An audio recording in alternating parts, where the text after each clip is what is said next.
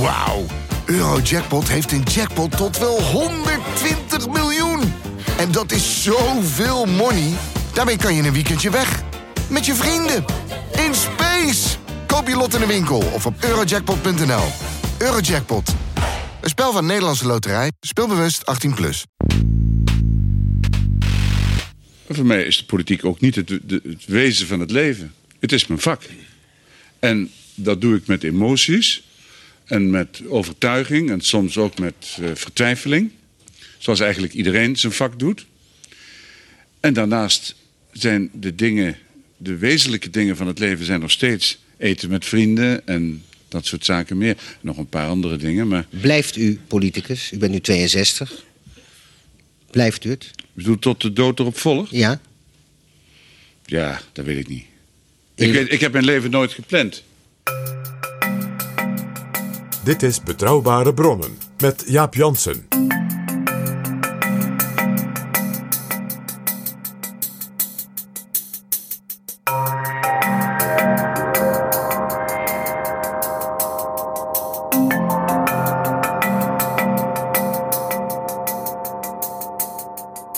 Hallo, welkom in Betrouwbare Bronnen, aflevering 161. Ik ga praten met Hubert Smeets, van wie een kloek boek is verschenen, bijna 600 pagina's. Een biografie over Hans van Mierlo, een van de oprichters en historisch gezien de oerleider van D66. Welkom in Betrouwbare Bronnen, Hubert Smeets. Eh, Hubert, wij kennen van Mierlo allebei. Ik kwam wel eens bij hem om hem te interviewen op de Herengracht of in de Tweede Kamer. Ik ben ook wel eens eh, een paar keer met hem op reis geweest. En eh, jij hebt aan Van Mierlo te danken dat je de journalistiek inging. Ja. Eh, nou, dat ik de journalistiek inging bij NRC Handelsblad, waar ik stage ging lopen. Ja, dat is een, eh, een herinnering die eh, ik niet zal snel zal vergeten. Mijn vader ligt in het Prinsengracht ziekenhuis te revalideren van hartaanval. op een tweepersoonskamer. En daar komt op een gegeven moment Hans van Mierlo ook liggen. Die in mijn herinnering moest worden geopereerd aan een liesbreuk. Eh, en die twee mannen die, eh, die kregen met veel plezier met elkaar daar op die kamer. Eh, en het toeval wilde dat ik op dat moment nog van plan was om leraar geschiedenis te worden. En hospiteerde aan de school waar de oudste dochter van Van Mierlo in de eerste klas zat. Eh, Marieke. Dus je had iets om met hem over te praten. Nou nee, want die dochter die, van Van Mierlo die spijbelde vrij consequent. En dat vond ik nog niet echt gepast om aan Van Mierlo te vertellen. Nee, het- eigenlijk was het, kwam ik bij mijn vader op, aan, aan het ziekbed om, om te ouwe hoeren. En eh, nou, van, ouwe hoerde Van Mierlo in het gesprek mee. En op de laatste avond, toen mijn vader, voordat mijn vader ontslagen zou worden uit het ziekenhuis. En nu klinkt dat heel gek, maar toen lag je gewoon nog een week te revalideren van hartaanval in het ziekenhuis. 1979. Toen ehm, eh, hadden, hadden ze voor zichzelf een Griekse maaltijd eh, aangericht. eh, door Tsakis Ioannidis. Die was een Griekse restauranthouder in Amsterdam hier. Met wijn en sigaren. Krankzinnig ziekenhuis was het, dat Prinsengracht ziekenhuis. Zaten die mannen zaten sigaren te paffen op hun Van. Mierlo heeft er later ook nog actie voor gevoerd om het Jazeker. te behouden. Ja, ja, ja, ja. Dus het was het, het binnenstadsziekenhuis van, van Amsterdam.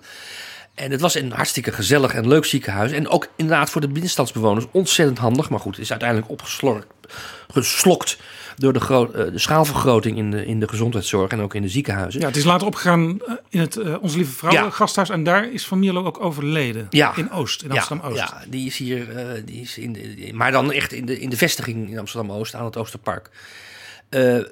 Maar die, dat, die, die, op die laatste avond zei Van Mierlo, God, wat wil jij doen als je afgestudeerd bent? Ik studeerde geschiedenis op dat moment. Ik hospiteerde ook om mijn vakdidactische aantekening te halen. En toen zei ik, nou, ik wil eigenlijk de journalistiek in. En ik had ook gesolliciteerd bij het blad 20. Dat was het, eh, het weekblad van de Vereniging voor Dienstplichtige Militairen, de soldatenvakbond VVDM. En daar was ik afgewezen. Eh, waarschijnlijk om politieke redenen. Ik had een, eh, een, een geschiedenis in de PSP, de Pacifistisch Socialistische Partij, als scholier en student. En Ja, dat de- was de partij die van alle partijen het meest anti-krijgsmacht was. ja, en ik wilde ik de journalistiek in en ik wilde bij de VVDM eh, dat vak gaan proberen eh, te beoefenen, te leren. Maar de redactie van het, eh, van het vakbondsblad 20 van de VVDM werd eigenlijk gewoon gedomineerd door CPN'ers en SP'ers. En de SP was toen andere koek dan nu. Hè? Dat was toen eigenlijk nog gewoon een neo-Stalinistische, Maoïstische partij. Ja. Maar een beetje ver, verheimelijkt, dat Maoïsme. Ja, die partij had, had in ieder geval in de jaren 70 op partijcongressen hadden ze ook nog gewoon Marx, Engels en Mao aan de muur hangen. Ja, en eh, je kan ook niet zomaar lid worden van die partij toen. Hè. De- je had, het was een kaderpartij, helemaal conform het communistische model van eh, Lenin, Stalin en, en Mao toen. Dus daar was ik afgewezen, omdat ik eh, gewoon een slapjanus was natuurlijk in de ogen van die CPN'ers en SP'ers. In haar geval, hoe dan ook, burgerlijk. En dat was in de jaren zeventig een scheldwoord. Als je burgerlijk was, dan deugde je niet in linkse kring. Dus ik moest, eh, ik moest ergens anders mijn journalistieke employ gaan zoeken. En de Van Milo zei toen, nou, als je dat inderdaad wil, in echte serieuze journalistiek, bel me maar eens op. Misschien kan ik je wat eh, advies geven. Nou, dat heb ik gedaan een paar maanden later. En ben bij Van Mierlo aan de Prinsgracht gekomen en had mapjes bij me met stukken die ik geschreven had voor eh, het partijblad van de PSP. Bevrijding heette dat. En voor, eh, eh, voor het faculteitsblaadje. En we hadden ook met, bij de geschiedenisstudenten ook een, een tijdschrift, Script, opgericht. Waar we scripties van studenten in publiceerden. Dat had ik allemaal meegenomen. En dat had ik bekeken. En hij nou, vond toen dat ik nog heel veel moest afleren vooral. Niet aanleren, maar afleren. Daar had hij overigens volstrekt gelijk in. En toen zei hij, ja, ik zie volgende week eh, zie ik toevallig André Spoor, toenmalig hoofdredacteur van NRC Handelsblad. En een week later zie ik eh, Bob Groen, goede vriend van me, die is nu eh, redacteur buitenland bij de Volkskrant. En ik zal bij beide vragen of ze iets met je aan zouden kunnen. En dat heeft hij inderdaad gedaan. Eh, want toen ik uiteindelijk eh, hem terugbelde, zei hij: Nou, je kan André Spoor wel bellen. En ik heb André Spoor gebeld. En ik mocht inderdaad langskomen in Rotterdam. En eh, toen kon ik stage gaan lopen op de redactie buitenland van NRC Handelsblad. En ik ben er eigenlijk niet meer weggegaan. En zo is het begonnen. Zo is het begonnen. Ja. Dus ik ben hem dankbaar. Het mooie was dat ik tijdens mijn onderzoek naar, voor deze biografie van Van Mierlo... dat ik in zijn archief een brief van mijn vader tegenkwam. Waarin, ik kwam trouwens meerdere brieven van mijn vader tegen. Maar, ook één brief die mij wel ontroerde, eerlijk gezegd. Omdat mijn vader daar eh, in die brief Van Mierlo feliciteert met zijn benoeming tot minister van Defensie in 1981 in het CDA, PvdA, D66 kabinet van Acht Uyl. Terlouw moet ik dan correct zeggen. Eh, en mijn vader feliciteerde hem met zijn benoeming tot minister van, eh, van Defensie. Maar dat was eigenlijk niet de reden voor de brief. Schreef mijn vader: Ik wil je vooral hartelijk bedanken voor dat je, het feit dat je je voor on- onze zoon zo hebt, inges- hebt ingespannen. Hij eh, doet, studeert volgende week af en een week later heeft hij een vaste dienstbetrekking bij jouw krant. En eh, dat was kennelijk dus voor mijn vader heel belangrijk, wat hij me nooit verteld had. Maar Nee. op die manier kwam En, ik en het mooie is, eh, zoals jij door Van Mierlo geholpen werd, werd Van Mierlo zelf ook ooit geholpen om bij de krant te komen. Want hij solliciteerde bij het dagblad, het katholieke dagblad De Tijd. En aan het eind van, de, van het sollicitatiegesprek, hij had de deurklink al in zijn hand, zei hij, oh ja, ik moet nog één ding zeggen. Ik geloof niet meer in God. Ja. En toen zei de hoofdredacteur van de katholieke krant, dan kun je hier niet werken. Maar ik ken de hoofdredacteur van het Handelsblad aan de overkant van de straat. En ik zal hem even bellen of u bij hem Terecht kunt kunt. komen praten. En dat gebeurde en hij ging daar werken. En hij ging daar werken. Ja, en hij, het rare is dat Van Mierlo zich, vind ik raar, want Van Mierlo heeft zes jaar, ruim zes jaar bij eh NRC, ah, bij, moet ik zeggen, Algemeen Handelsblad gewerkt. Op de Nieuwe Zijds in Amsterdam. Op de Nieuwe Zijds, ja, eh, schuin boven eh, het beroemde journalistencafé Scheltema. Eh, hij heeft zichzelf zijn hele leven ook journalist gevoeld. Dus hij zei bijvoorbeeld wel eens tegen ambtenaren van het ministerie van Buitenlandse Zaken in een latere fase van zijn carrière, toen hij minister was. ehm, als het van een buitenland reis, buitenlandse reis terugkwamen op Schiphol en eerst even nog naar huis gingen om een koffer eh, eh, terug te brengen, zei hij: Ik zie jullie straks op de redactie of op de krant. Zei hij tegen diplomaten van Dus, het dus, departement. dus zelfs al, bij wijze van toen de minister van Defensie was, begin jaren 80. Want je, je kunt dit verwachten van iemand die in zijn nadagen zit. Maar ja, had hij, zelfs toen. Toen had hij al had hij dat gevoel dat hij nog steeds voor een deel hoorde bij de journalistiek. Ja, ja. En dat is raar, omdat, laten we gewoon er geen eh, geheim van maken. Om nou te zeggen dat hij een productieve journalist was in die zes, Nee. zeven jaar dat hij bij het Algemeen Handelsblad heeft gewerkt. Nee. Nee. Hij had ook moeite met schrijven. Hè? Ja, hij, hij, hij- Dat vertellen alle redacteuren die ik gesproken heb en die nog leven uit die tijd, vertellen dat. het ratelde niet echt eh, achter zijn typemachine. Nee, het was vrij stil. Wat hij heel, heel goed kon, dat is trouwens ook een journalistieke kwaliteit hoor. Dus in die zin wil ik hem niet eh, eh, te zwaar vallen. Hij kon wel heel goed mensen enthousiasmeren om een stuk voor hem te schrijven. Dus dan kwam hij op je bureau zitten en dan eh, ging je los als redacteur. En dan zei hij, dat is een hartstikke goed idee, wil je dat voor mij schrijven? Hij zou dus een goede hoofdredacteur zijn geweest. Want er is ooit sprake van geweest dat hij hoofdredacteur van de Haagse Post zou worden. Ja, en dat is niet gebeurd, omdat uh, de Haagse Post toen in het ongereden was geraakt. Uh, en er allerhande uh, bezitsverhoudingen ook aan het schuiven waren met de Haagse Post. Ja, ja ze waren door, door Elsevier overgenomen. Ja, en, uh, Elsevier wilde er ook een politiek vanaf. stempel op zetten. Ja. En dat wilde de redactie niet. Nee, de redactie van Miro. En die was in principe bereid om te komen. Ja, die was bereid om te komen. Maar die, eh, uiteindelijk is, het, is dat een stille dood gestorven. En is eh, de Haagse Post eigenlijk als een soort van collectief doorgegaan. En de Haagse Post heeft ooit gestaakt, hè, de redactie. Om een, een door Elsevier opgelegde hoofdredacteur ja, eigenlijk weg te jagen. En dat is een succesvolle staking geweest. Ja, En misschien wel de meest succesvolle staking in de Nederlandse journalistiek. Die hoofdredacteur die moest vertrekken. En daarna heeft uiteindelijk ehm ehm, Haagse Post zichzelf gewoon bedropen met een collectief. klopt. Want ik heb daar gewerkt. Ik kwam natuurlijk, dat was een jaar of tien, ruim, twaalf jaar later denk ik. En toen eh, was er inderdaad geen hoofdredacteur. Eh, er was wel een eindredacteur, maar de facto was dat de hoofdredacteur. Ja, en dat was in de, in de jaren zeventig, voordat jij daar ging werken, was dat Bert Vuistje. Die, eh, die die krant in die zin leidde. Maar hiërarchisch was het heel, je zou kunnen zeggen, heel democratisch georganiseerd bij Haagse Ja, overigens, dat Van Mierlo zich nog altijd journalist voelde, dat heb ik ook een keer meegemaakt. Misschien moet ik toch even een anekdote vertellen. Ja, Ik was met Van Mierlo eh, op reis in de Baltische Staten. Hij was toen minister van Buitenlandse Zaken in Paars 1. En hij ging eigenlijk de drie landen, Estland, Letland, Litouwen, ging die keuren of ze geschikt waren om bij de Europese Unie te komen. En ehm, ik was daar samen met Joep Bik, de, jouw zeer bekende NRC Handelsblad eh, redacteur en commentator. Een van mijn leermeesters. En met Hans Andringa toen van de Wereldomroep, tegenwoordig NOS Radio. Ik werkte voor het Algemeen Dagblad. En Algemeen Dagblad vonden het leuk dat ik mee was met, met Van Mierlo. Maar ik moest ook weer niet te, op niet te veel ruimte in de krant rekenen. En Joep Bik die kon natuurlijk een heel mooi, groot, afgewogen verhaal. Ik denk echt een pagina toen nog. En dat, die pagina's waren toen ook nog heel groot in, de, in NRC Handelsblad krijgen. Eh, en ik schreef eigenlijk de conclusies van Van Mierlo op in het Algemeen Dagblad. En Binnen de kortste keer werd ik gebeld door het hoofd voorlichting van de eh, buitenlandse zaken. Ja, dat kon toch niet. Eh, Van Mierlo had toch een heel eh, denkproces gehad en dat heb je allemaal niet opgeschreven en zo. En dit is eigenlijk ook precies wat Van Mierlo was. Hij, hij was altijd hardop aan het denken en hij wilde ook graag dat je met hem meedacht. Hij kwam op die reis ook elke avond eh, met ons drie journalisten eh, nog een uurtje praten om even al zijn belevenissen van die dag te vertellen. En eh, eigenlijk alle ambtenaren waren dan, misschien op eentje na, waren al naar bed. Zo om 11 uur s'avonds, na een zware dag. En ja, Jubik had het natuurlijk allemaal mooi opgeschreven, dus daar had Familo geen problemen mee. En ik had alleen maar de conclusies. En ik moest toen ook even bij hem eh, op bezoek komen. En dat deed ik samen met Pieter Klein. Pieter Klein was toen eh, mijn chef of plaatsvervangend chef bij het, eh, bij het Algemeen Dagblad. Pieter Klein, nu bekend van onder andere de kindtoeslagaffaire en zijn onthullingen daarin. En op het bureau van Van Mierlo zag ik allemaal artikelen van mij liggen, zelfs ook andere artikelen, waar dingen met geel waren aangestreept.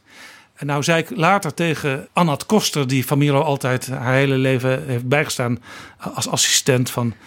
Eh, vertelde ik dat verhaal en ze zei nou, eh, Hans die, die streepte nooit iets met geel aan. Dus dat moeten zijn ambtenaren gedaan hebben voor de minister. Eh, Maar goed, wij kwamen daar binnen. Aan de muur hing een enorm schilderij. Daar stond een kaal mannetje op. En het eerste wat Van Mierlo zei tegen Pieter Klein... Pieter, dat ben jij. Want Pieter had toen al een kale kop. Nou, toen ging hij heel even over dat artikel, maar dat duurde eigenlijk maar vijf, zes minuten. En ik zei nog, ja, maar de, de, eindredactie heeft die kop erboven gezet. Ja, de eindredactie, de eindredactie. Dat ken ik nou wel. Ik ben, ik ben ook journalist, dat weet je toch? Nou, dit was precies eigenlijk wat ik wilde vertellen. Maar binnen de kortste keren, er kwam denk ik ook, ging ook denk ik ook een fles open en zo. Werd het hartstikke gezellig en ging het overal over, maar niet meer over. eh, Waarschijnlijk was familie ook alweer snel weer vergeten waarvoor wij eigenlijk kwamen. En eh, dit is wel heel, heel, een heel authent- authentiek verhaal. Eigenlijk iedereen die ik gesproken heb voor, eh, voor deze biografie... en ik heb denk ik ongeveer 100 mensen gesproken... uit zijn naaste of politieke omgeving. En eigenlijk iedereen heeft het over één, is het over één ding eens. Namelijk de, de toegankelijkheid van Van Mierlo. Dat als hij met jou sprak, sprak hij met jou. En niet met een ander. Dus het was, Van Mierlo was niet zo'n man die op een receptie over jouw schouder heen keek. Of er misschien eh, bij de deur een Nee. interessantere Wat gesprekspartner meestal binnenkwam. gebeurt in bijvoorbeeld de- politiek, maar ook in andere Ja, sectoren. dat is natuurlijk heel normaal. Eigenlijk een heel normale eh, reflex van eh, belangrijke mensen. Om ook belangrijke mensen op te zoeken. En minder belangrijke mensen eh, niet zoveel aandacht te geven. En eigenlijk zegt iedereen over Van Mierlo... of het nou ambtenaren zijn op buitenlandse zaken... of, of journalisten of eh, eh, gewone passanten in D66... Natuurlijk, hij had zijn, hij had zijn kuren, hij, hij was ijdel, hij kon slecht tegen kritiek. Maar zijn toegankelijkheid was absoluut gemeend. Ja, En dat heb ik zelf ook ervaren. Ja. Oh, Zoals ik vertelde in die, in die ontmoeting in dat ziekenhuis. Dat was eigenlijk gewoon een man die oprecht ja. geïnteresseerd Nee, hij was zat ook mij. altijd op, op, op partijcongressen. Op een gegeven moment, dan, ergens in de loop van de middag, zat hij ergens aan een tafel of in een, in een stoel. En dan zaten altijd eh, journalisten zoals ik eh, omheen. Eh, en ook mensen die hij goed kenden, maar ook gewone eh, D66'ers, zeg maar. En dan zat hij te oreren, maar dan, dan ging hij ook in op wat anderen zeiden. En dat kon, dat kon eigenlijk overal waar hij was, kon dat ineens spontaan beginnen, zo'n gesprek. Dat, dat was heel erg kenmerkend voor hem. Toch kon hij op kritieke momenten toch wel de juiste hoeveelheid concentratie opbrengen om politiek te bedrijven. Dus we moeten niet doen alsof hij alleen maar in de, in de vrije ruimte en het wegouwehoerde. Nee, hij, Hij, was, had ook wel, ja. een, hij had ook Ja. wel het vermogen om zich te focussen, om zich te concentreren. En het typisch journalistieke wat hij ook had, ook als politicus. Hij werkte tot de laatste minuut werkte hij aan zijn toespraak. Ik heb eens in Amersfoort, daar had je de Flint. En daar waren eh, die congressen altijd van D66 in die tijd. En dat was een soort groot bezemhok. En daar zat hij dan te schrijven. En ja, als je dan zijn papier daarnaar zag... Daar stonden overal strepen en doorstrepingen en dingen bijgeschreven en zo. Dat ging tot het laatste moment door. En Jaap, dat was dan waarschijnlijk zijn, zijn tiende versie van een toespraak die al negen versies thuis had liggen. Eh, die toespraken, dat was geen, dat was geen, eh, geen dingetje wat hij erbij deed. Dat was een congrestoespraak, was de hoofdzaak. Dat was voor hem, ehm, je zou kunnen zeggen, het culminatiepunt van eh, zijn verantwoording, zoals hij dat wilde afleggen aan zijn partij. Want hij zag de partij natuurlijk ook een beetje als zijn kind. Ja, en hij, hij vond ook dat het een, een kunststuk moest zijn. Hij had ook in zekere zin faalangst. Het moest, moest heel erg goed zijn. Het moest goed zijn, het moet, moest eh, compositorisch voortreffelijk in elkaar zitten. De opbouw eh, moest intellectueel integer zijn. Dus het was niet een man die eh, toespraken schreef en dan eh, er een paar wisecracks of one-liners doorheen gooide om het applaus te trekken. Eh, en hij was inderdaad tot het laatste mo- moment, wat jij ook zegt, bezig met de, de, de fine-tuning. Met de details.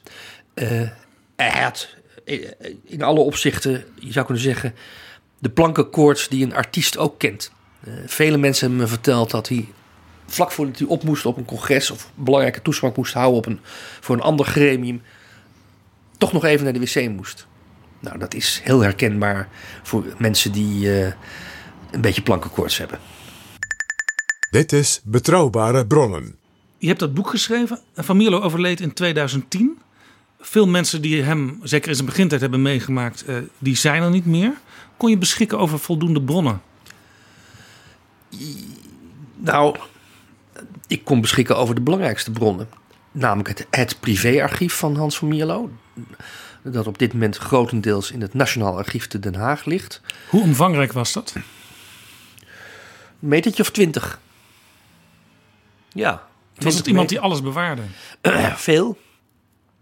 Eh, heel veel bewaarde. Dus eh, eh, ook het bonnetje van het Amsterhotel uit 1994... waar Van Mierlo met een aantal eh, geestverwante partijgenoten... de laatste hand heeft gelegd aan de ministers en staatssecretarissen... die eh, voorgedragen moesten worden voor het eerste Paarse kabinet. Bij wijze van spreken het bierveeltje waar Els Borst, Winnie Zorgdrager, Hans Weijers opstond, dat, dat, zat heb- er nog in. Dat zat erin, dat, ja. Je kon ook zien wat ze gedronken hadden bij, eh, bij die bijeenkomst. Twee glazen witte wijn, eh, drie, drie jenevertjes en, en een paar biertjes. Het viel best mee. Ehm, dat zat er allemaal in. En, en dat is, was heel belangrijk, hoewel je dat met een nodige voorzichtigheid moest behandelen. eh, hij heeft vanaf 1977 op en af, dus niet heel consequent, een soort van dagboek bijgehouden. Schrijfboeken noemde hij dat. Het waren grote schriften waarin hij ehm, zijn gedachten en zijn belevenissen ehm, bijhield. Ja, je schrijft in het boek dat hij die dingen vooral schreef als het minder goed met hem Ja. ging. Want bijvoorbeeld zijn ministerschap van Defensie begin jaren 80, toen voelde hij zich als een vis in het water. Daar heeft hij eigenlijk niks geschreven. Het komt amper in die dagboeken voor.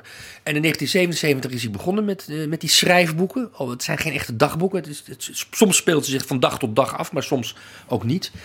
Ehm, dat, die is in 1977 mee begonnen en dat was wel een dieptepunt in zijn leven. Ehm, toen zat hij net niet meer in de Tweede Kamer. Ehm, het was eh, al heel snel, nou niet heel snel, want dat, die kabinetsformatie duurde heel lang. Maar het werd hem ook in de loop van de maanden duidelijk dat dat tweede kabinet Den Uilder in 77 niet zou komen. En dat er dus voor hem geen eervolle benoeming als minister meer in zat. En hij moest dus na een jaar of elf in de politiek eigenlijk bij zichzelf te raden gaan van wat wil ik met de rest van mijn leven. Ja, en hij was niet de jongste meer, maar ook niet zo heel oud. Eh, het was absoluut geen man die een carrière kon maken in het bedrijfsleven. Daar was hij nooit belangstellend voor geweest. Eh, zijn juridische opleiding, hij had rechten gestudeerd in Nijmegen, weer oppakken. Zat er eigenlijk ook niet in. Een van zijn beste vrienden. Hij had er wel eens nagedacht al in de jaren 60 toen hij nog bij het Algemeen Handelsblad werkte. Had hij eens een keer tegen een van zijn beste vrienden gezegd van... eh, God Theo, ik, eh, ik zou toch wel weer... Ik zou toch eigenlijk wel advocaat willen worden. En toen had Theo tegen hem moeten zeggen, ook een jurist... Nou Hans, ik denk dat je dan opnieuw moet studeren. Want dat studeren van jou hè, eh, aan de rechtenfaculteit in Nijmegen... dat stelde niet zoveel voor. Nee, hij was ook vaak weg daar. Hij, dan was hij weer op reis. Was hij op reis naar Frankrijk, heeft hij een, een lange tijd gezworven. Dat, dat hoorde wel een beetje bij die jaren 50 tijd. Hè? De tijd van eh, Juliette Gréco en, en eh, Charles Trenet. la mer qu'on voit danser le long des golfes clairs a des reflets d'argent la mer des reflets changeants sous la pluie. La mer qu'au ciel d'été confond ses blancs moutons avec les anges si purs, la mer, bergère d'azur Wat voor de oorlog eh, Duitsland ook bood.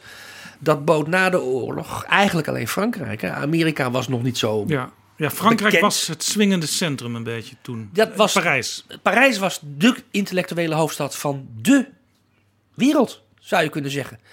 Eh, en zeker van de democratische wereld. En zeker van de Europese wereld. Dus je, je ging naar Parijs. Maar hij ging raar genoeg trouwens niet naar Parijs. Maar hij ging naar Zuid-Frankrijk, naar de Pro- Provence. Ehm, maar goed, dat, dat, is, een, dat is toen, daar, toen hij daarvan. Hij ging daar naartoe omdat Theo, zijn vriend Theo, die, die kende van de middelbare school in Nijmegen, had gezegd: Nou, dat advocaat worden voor jou, dat zit er niet nee. in. Dus dat, dat moest hij eigenlijk ook wel erkennen. Dat dat Ja, dus wat was. moest hij doen in 77 toen hij eh, uit de politiek was eh, en er geen eh, politiek perspectief meer voor hem was? Dat, dat was, je zou kunnen zeggen, een zwart gat waar hij in terecht kwam. En toen is hij begonnen met die schrijfboeken en die zijn heel somber gestemd. Dat voel je aan alles en dat merk je ook aan alles. Hij ligt in scheiding. Eh het huwelijk is eigenlijk Ja. gewoon op. Zijn die schrijfboeken, z- zouden die ook nog als boek uitgeefbaar zijn? Of mist daar de context dan? Nou, met, het, met context zou het kunnen, denk ik. Maar er is wel een probleem, vind ik, als je dat zou doen. Je krijgt de sombere kant van Van Mierlo te zien. Terwijl die man ook een, een, een vrolijke, een opgewekte, een levenslustige kant had.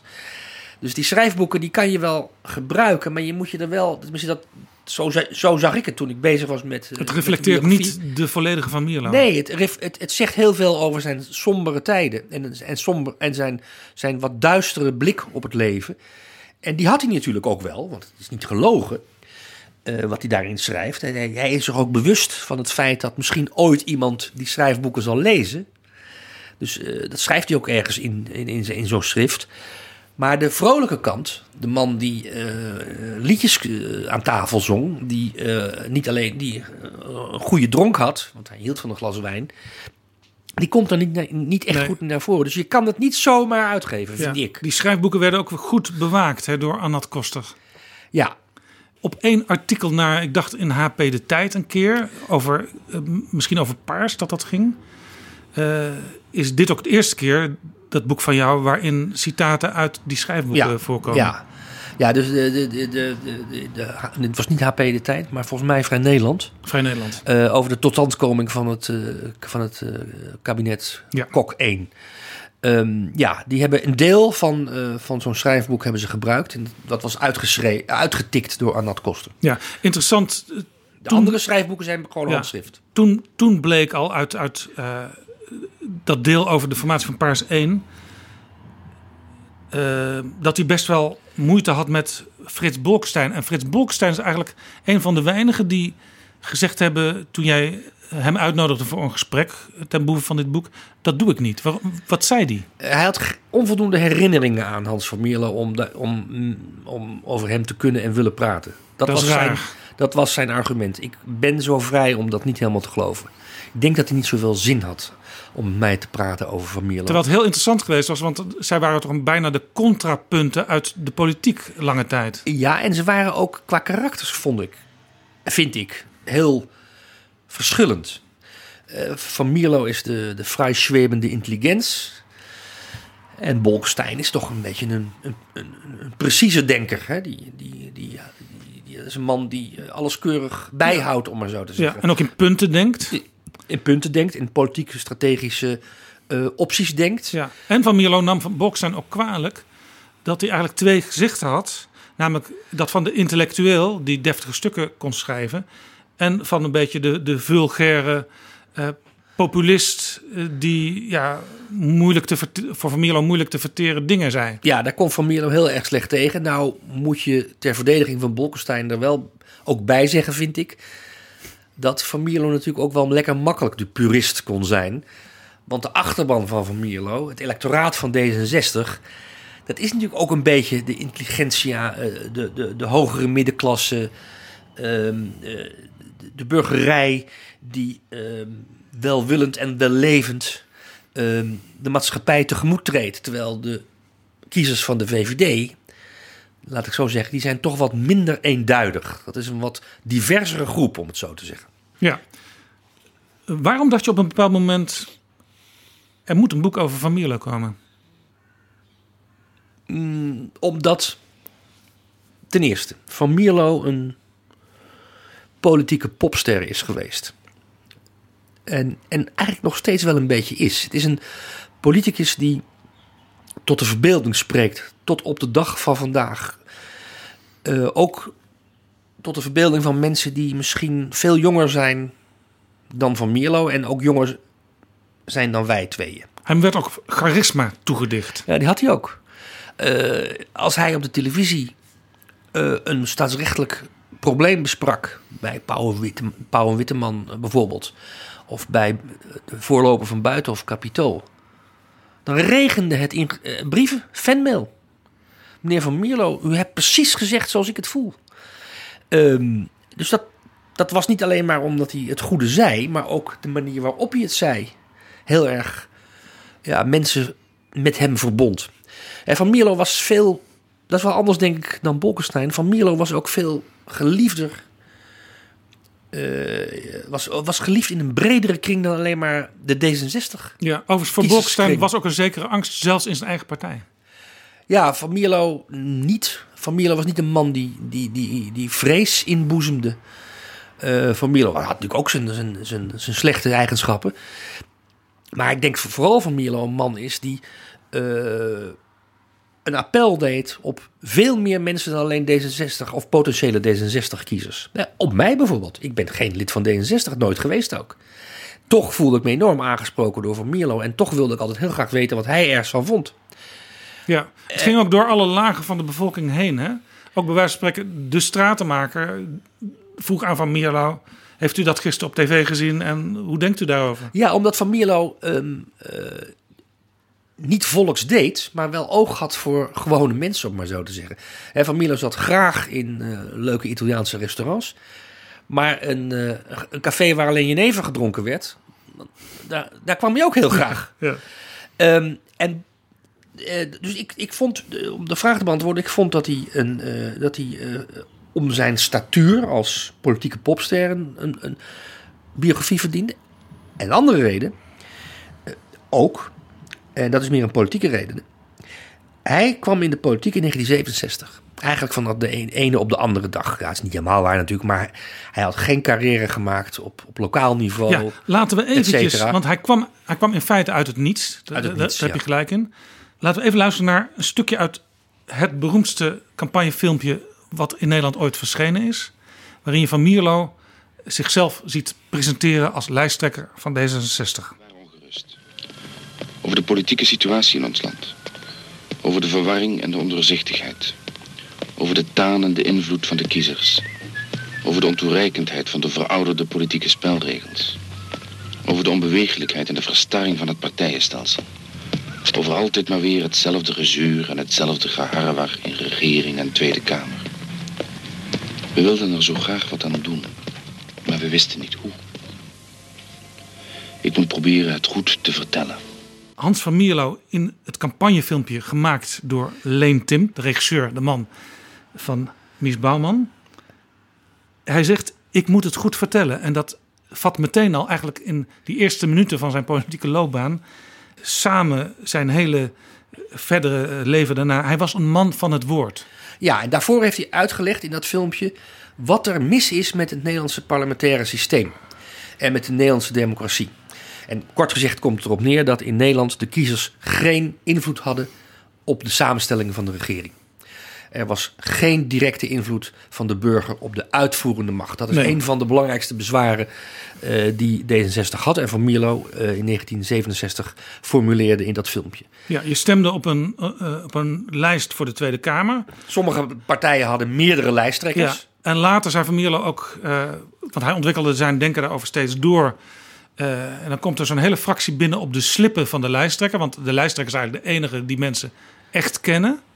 Ja, en dan moet je maar afwachten wat voor kabinet er uiteindelijk komt. Ja, en hij eh, liet zich dus inspireren samen met de andere oprichters van D66. Want hij was niet, het was geen partij à la eh, PVV met slechts één leider. Er was een hele grote groep mensen die die, partij in 1966 hebben opgericht. Maar die lieten zich inspireren door het Amerikaanse model. Waarbij, er een, waarbij de burger een stem heeft op de uitvoerende macht. Voor de uitvoerende macht. President. Ja.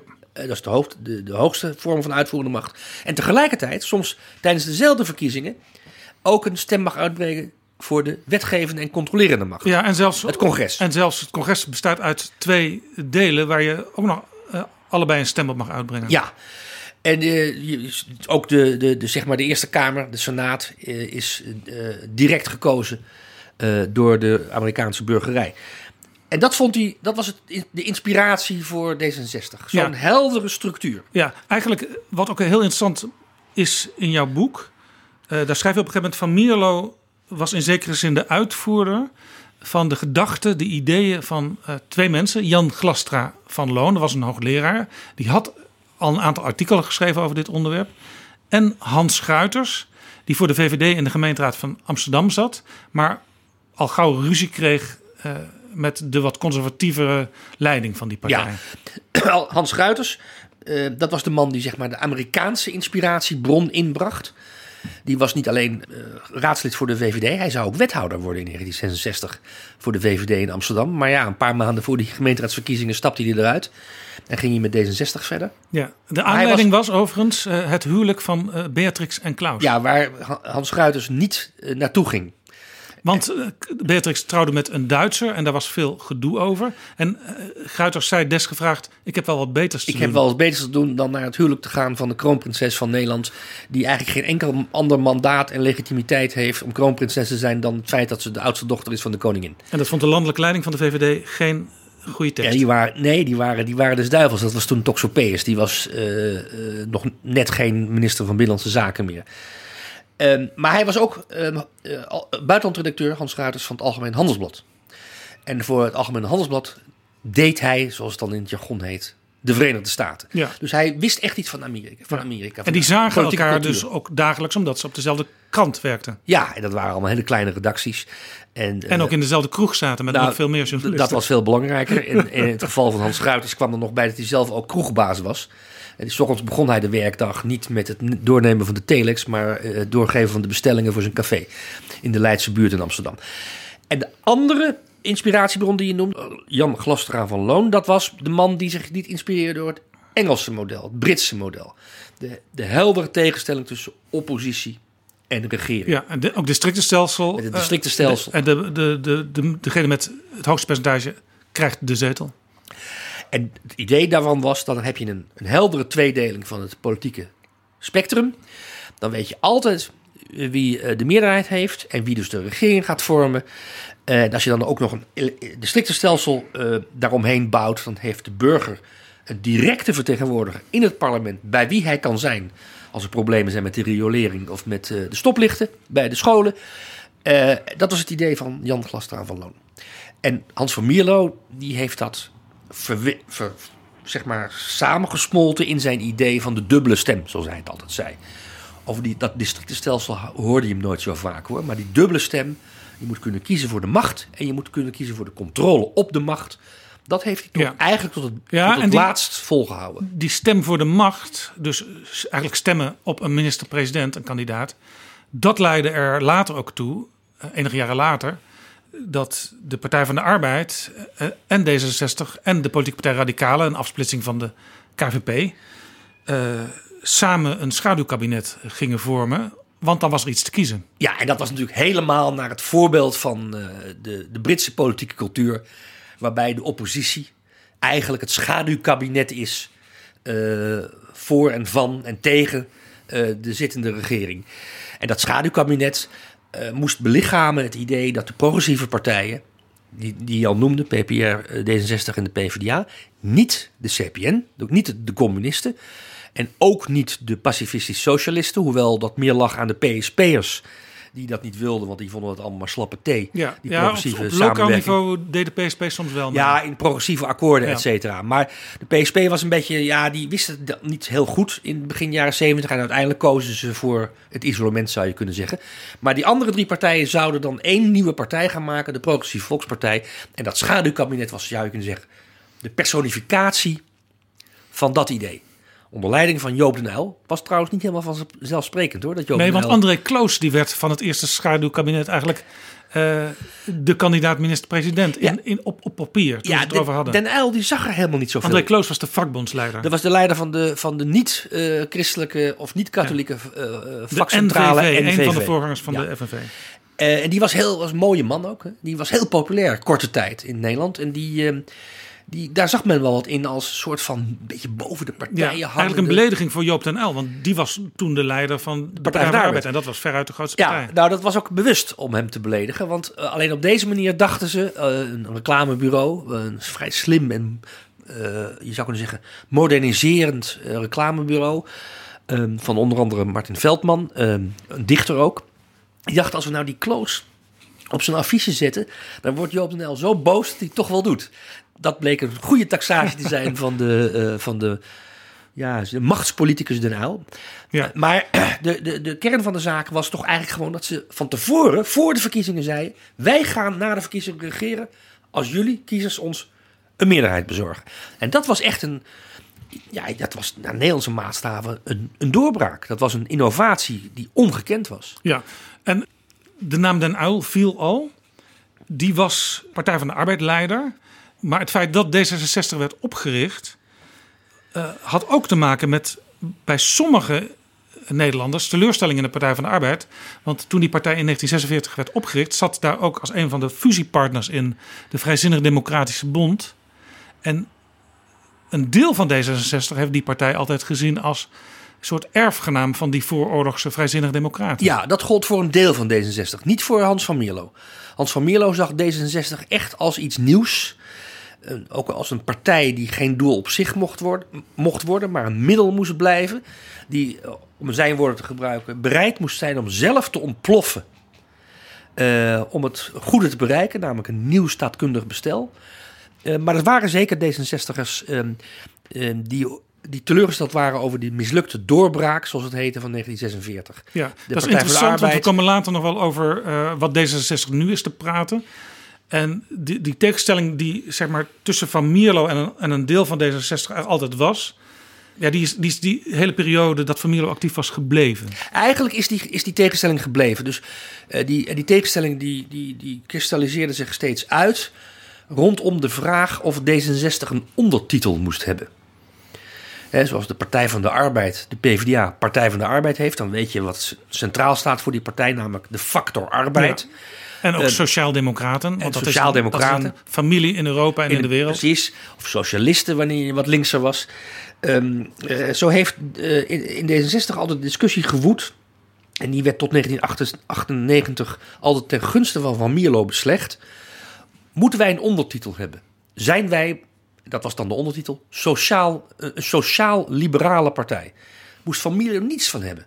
Dat vond hij echt eigenlijk vloeken in de, in de seculiere kerk, die D66 natuurlijk ook was. Want elke politieke partij heeft iets kerkelijks met eh, parochiale eh, cultuur. Dat, dat wilde hij niet. D66 was anders. D66 stond buiten de structuren, stond buiten de tradities. Ja. Eh, probeerde om de, het bestel te laten ontploffen en zou Ja. dan zelf mee ontploffen. Van Mierlo heeft ook altijd gezegd... ja, de, de, de tegenstelling links-rechts, de sociaal-economische tegenstelling... die is eigenlijk verouderd. Daar, daar moet je niet meer in denken in die termen. Ja, hoewel ik op dat punt hem niet zo geloofwaardig vind. Van Mierlo. Om de hele simpele reden dat als het om die tegenstellingen ging, of al- als het om vraagstukken ging die wij voor het gemak links-rechts noemen, dus materiële vraagstukken, herverdeling van inkomen, eh, de toedeling van belastinggelden eh, en de keuzes die je daarin maakt, Van Mierlo eigenlijk altijd aan de linkerkant stond. Hij was, als het om dit soort vraagstukken ging, om de materiële eh, discussies in Nederland, eigenlijk gewoon een sociaaldemocraat. Niet een socialist, zeker niet, maar wel een sociaaldemocraat. Dus ik vind zijn bezwaar tegen eh, de tegenstelling links-rechts eigenlijk niet helemaal overtuigend, omdat hij zelf feitelijk altijd een beetje aan de linkerkant stond. Als het ging om, om, om de sociaal-economische beleid in Nederland. En dat heeft hem trouwens in, de, in D66 ook wel eens wat pro- eh, problemen opgeleverd. Want D66 had niet alleen teleurgestelde mensen die, eh, sorry, die teleurgesteld waren over het mislukken van de doorbraak in 1946 binnen de PvdA. Maar ook heel veel teleurgestelde VVD'ers. Dat heb ik me eigenlijk nooit zo gerealiseerd voordat ik met dit boek begon. Hoe ongelooflijk veel teleurgestelde VVD'ers bij die eerste generatie D66'ers hoorden. En punt was natuurlijk dat als je, eh, zoals Van Mierlo, uit de katholieke omgeving kwam en je daarvan los emancipeerde, en dus niet meer op, automatisch op de KVP ging stemmen, eh, ja, dan was er weinig anders, als je niet heel erg links was, dan de VVD. Ja, dat was de partij die ook tot 1967 volgens mij ter linkerzijde van de voorzitter zat hè, in de- Tweede Kamer. Ja, alle niet-conventionele partijen Ze zaten, zaten aan de linkerkant en alle conventionele christendemocraten zouden we ze nu noemen, zaten aan de rechterkant. Nee, dat, is, dat, dat, dat lag ook voor de hand. Maar mm, Van Milo zelf niet. Hij heeft volgens zichzelf één keer op de VVD gestemd. Eh, maar dat was toen Gruiters kandidaat stond Ah, ja. voor de gemeenteraad in Amsterdam. Ja, dat is een beetje zoals mijn moeder op de PSP stemde... omdat ik een kandidaat stond Voor die zoon. partij. Ja, dat vind ik niet een hele overtuigende stem. Nee. Dus ik. ehm, dus die, die, die VVD-inbreng in D66 moet je niet onderschatten. Alleen Van Mierlo had daar niks mee. En Van Mierlo v- vond, denk ik ook wel deep down, dat de VVD toch niet, een liberale partij was, maar een middenstandspartij. Ja, ja. Overigens, eh, eh, dat, is, dat verweet hij, denk ik, ook Bolkestein, waar we het net even over Ja, hadden. overigens waren er bij de oprichting van D66 ook eh, heel linkse mensen betrokken, zoals Arie van der Zwan. En die verdwenen eigenlijk al na een paar dagen of een paar weken, want die zagen dat ze hun echt heel linkse programma er niet door konden Nee, krijgen. want die waren bezig met nationalisatie van eh, eh, sleutelindustrieën in Nederland. wat nieuw links. wat nieuw links later doen. werd. Dus die, die waren echt aan, bij de verkeerde bijeenkomst aange- aangeland. En dat, bleek, dat, dat hadden ze ook snel door, want anders was, was het misschien niet, niet van D66 Ja, gekomen. dat, dat die invloed van zeg maar, de, de moderne politiek, die dan geïnspireerd werd op wat er in Amerika gebeurde en een beetje in het Verenigd Koninkrijk. eh, dat zag je ook in dat filmpje, hè, want het was de eerste keer dat er zo'n filmpje eh, werd gemaakt. De, voor Politieke Partij was altijd eh, heel saai. Een man me- met een bloempot eh, en een camera. Achter een bureau. Eh, en En een filmpje- telefoonnummer aan het eind. Ja, en dit, en dit filmpje is eigenlijk... En een postbusadres uiteraard. Oh, Eh, maar eh, dit filmpje is eigenlijk... eh, Je zou bijna kunnen zeggen een parodie... op de gebruikelijke filmpjes die werden uitgezonden. We hebben het over 1967. Hè? Dus Nederland had in 1967 nog maar een jaartje of vier, vijf... twee televisienetten. Ja. Hè? Dat moeten we ons wel Ja, even en die realiseren. zendtijd die was in principe ook altijd live. Dus een politicus ging naar de studio en het werd En uitgezonden. dat werd rechtstreeks uitgezonden. En daar werden eigenlijk geen banden van gemaakt. Ja, D66 hebben we opgericht. Democraten 66. Vraag niet hoe en met welke zorgen. En hoe vlug het moest. Omdat er weer een kabinet struikelde.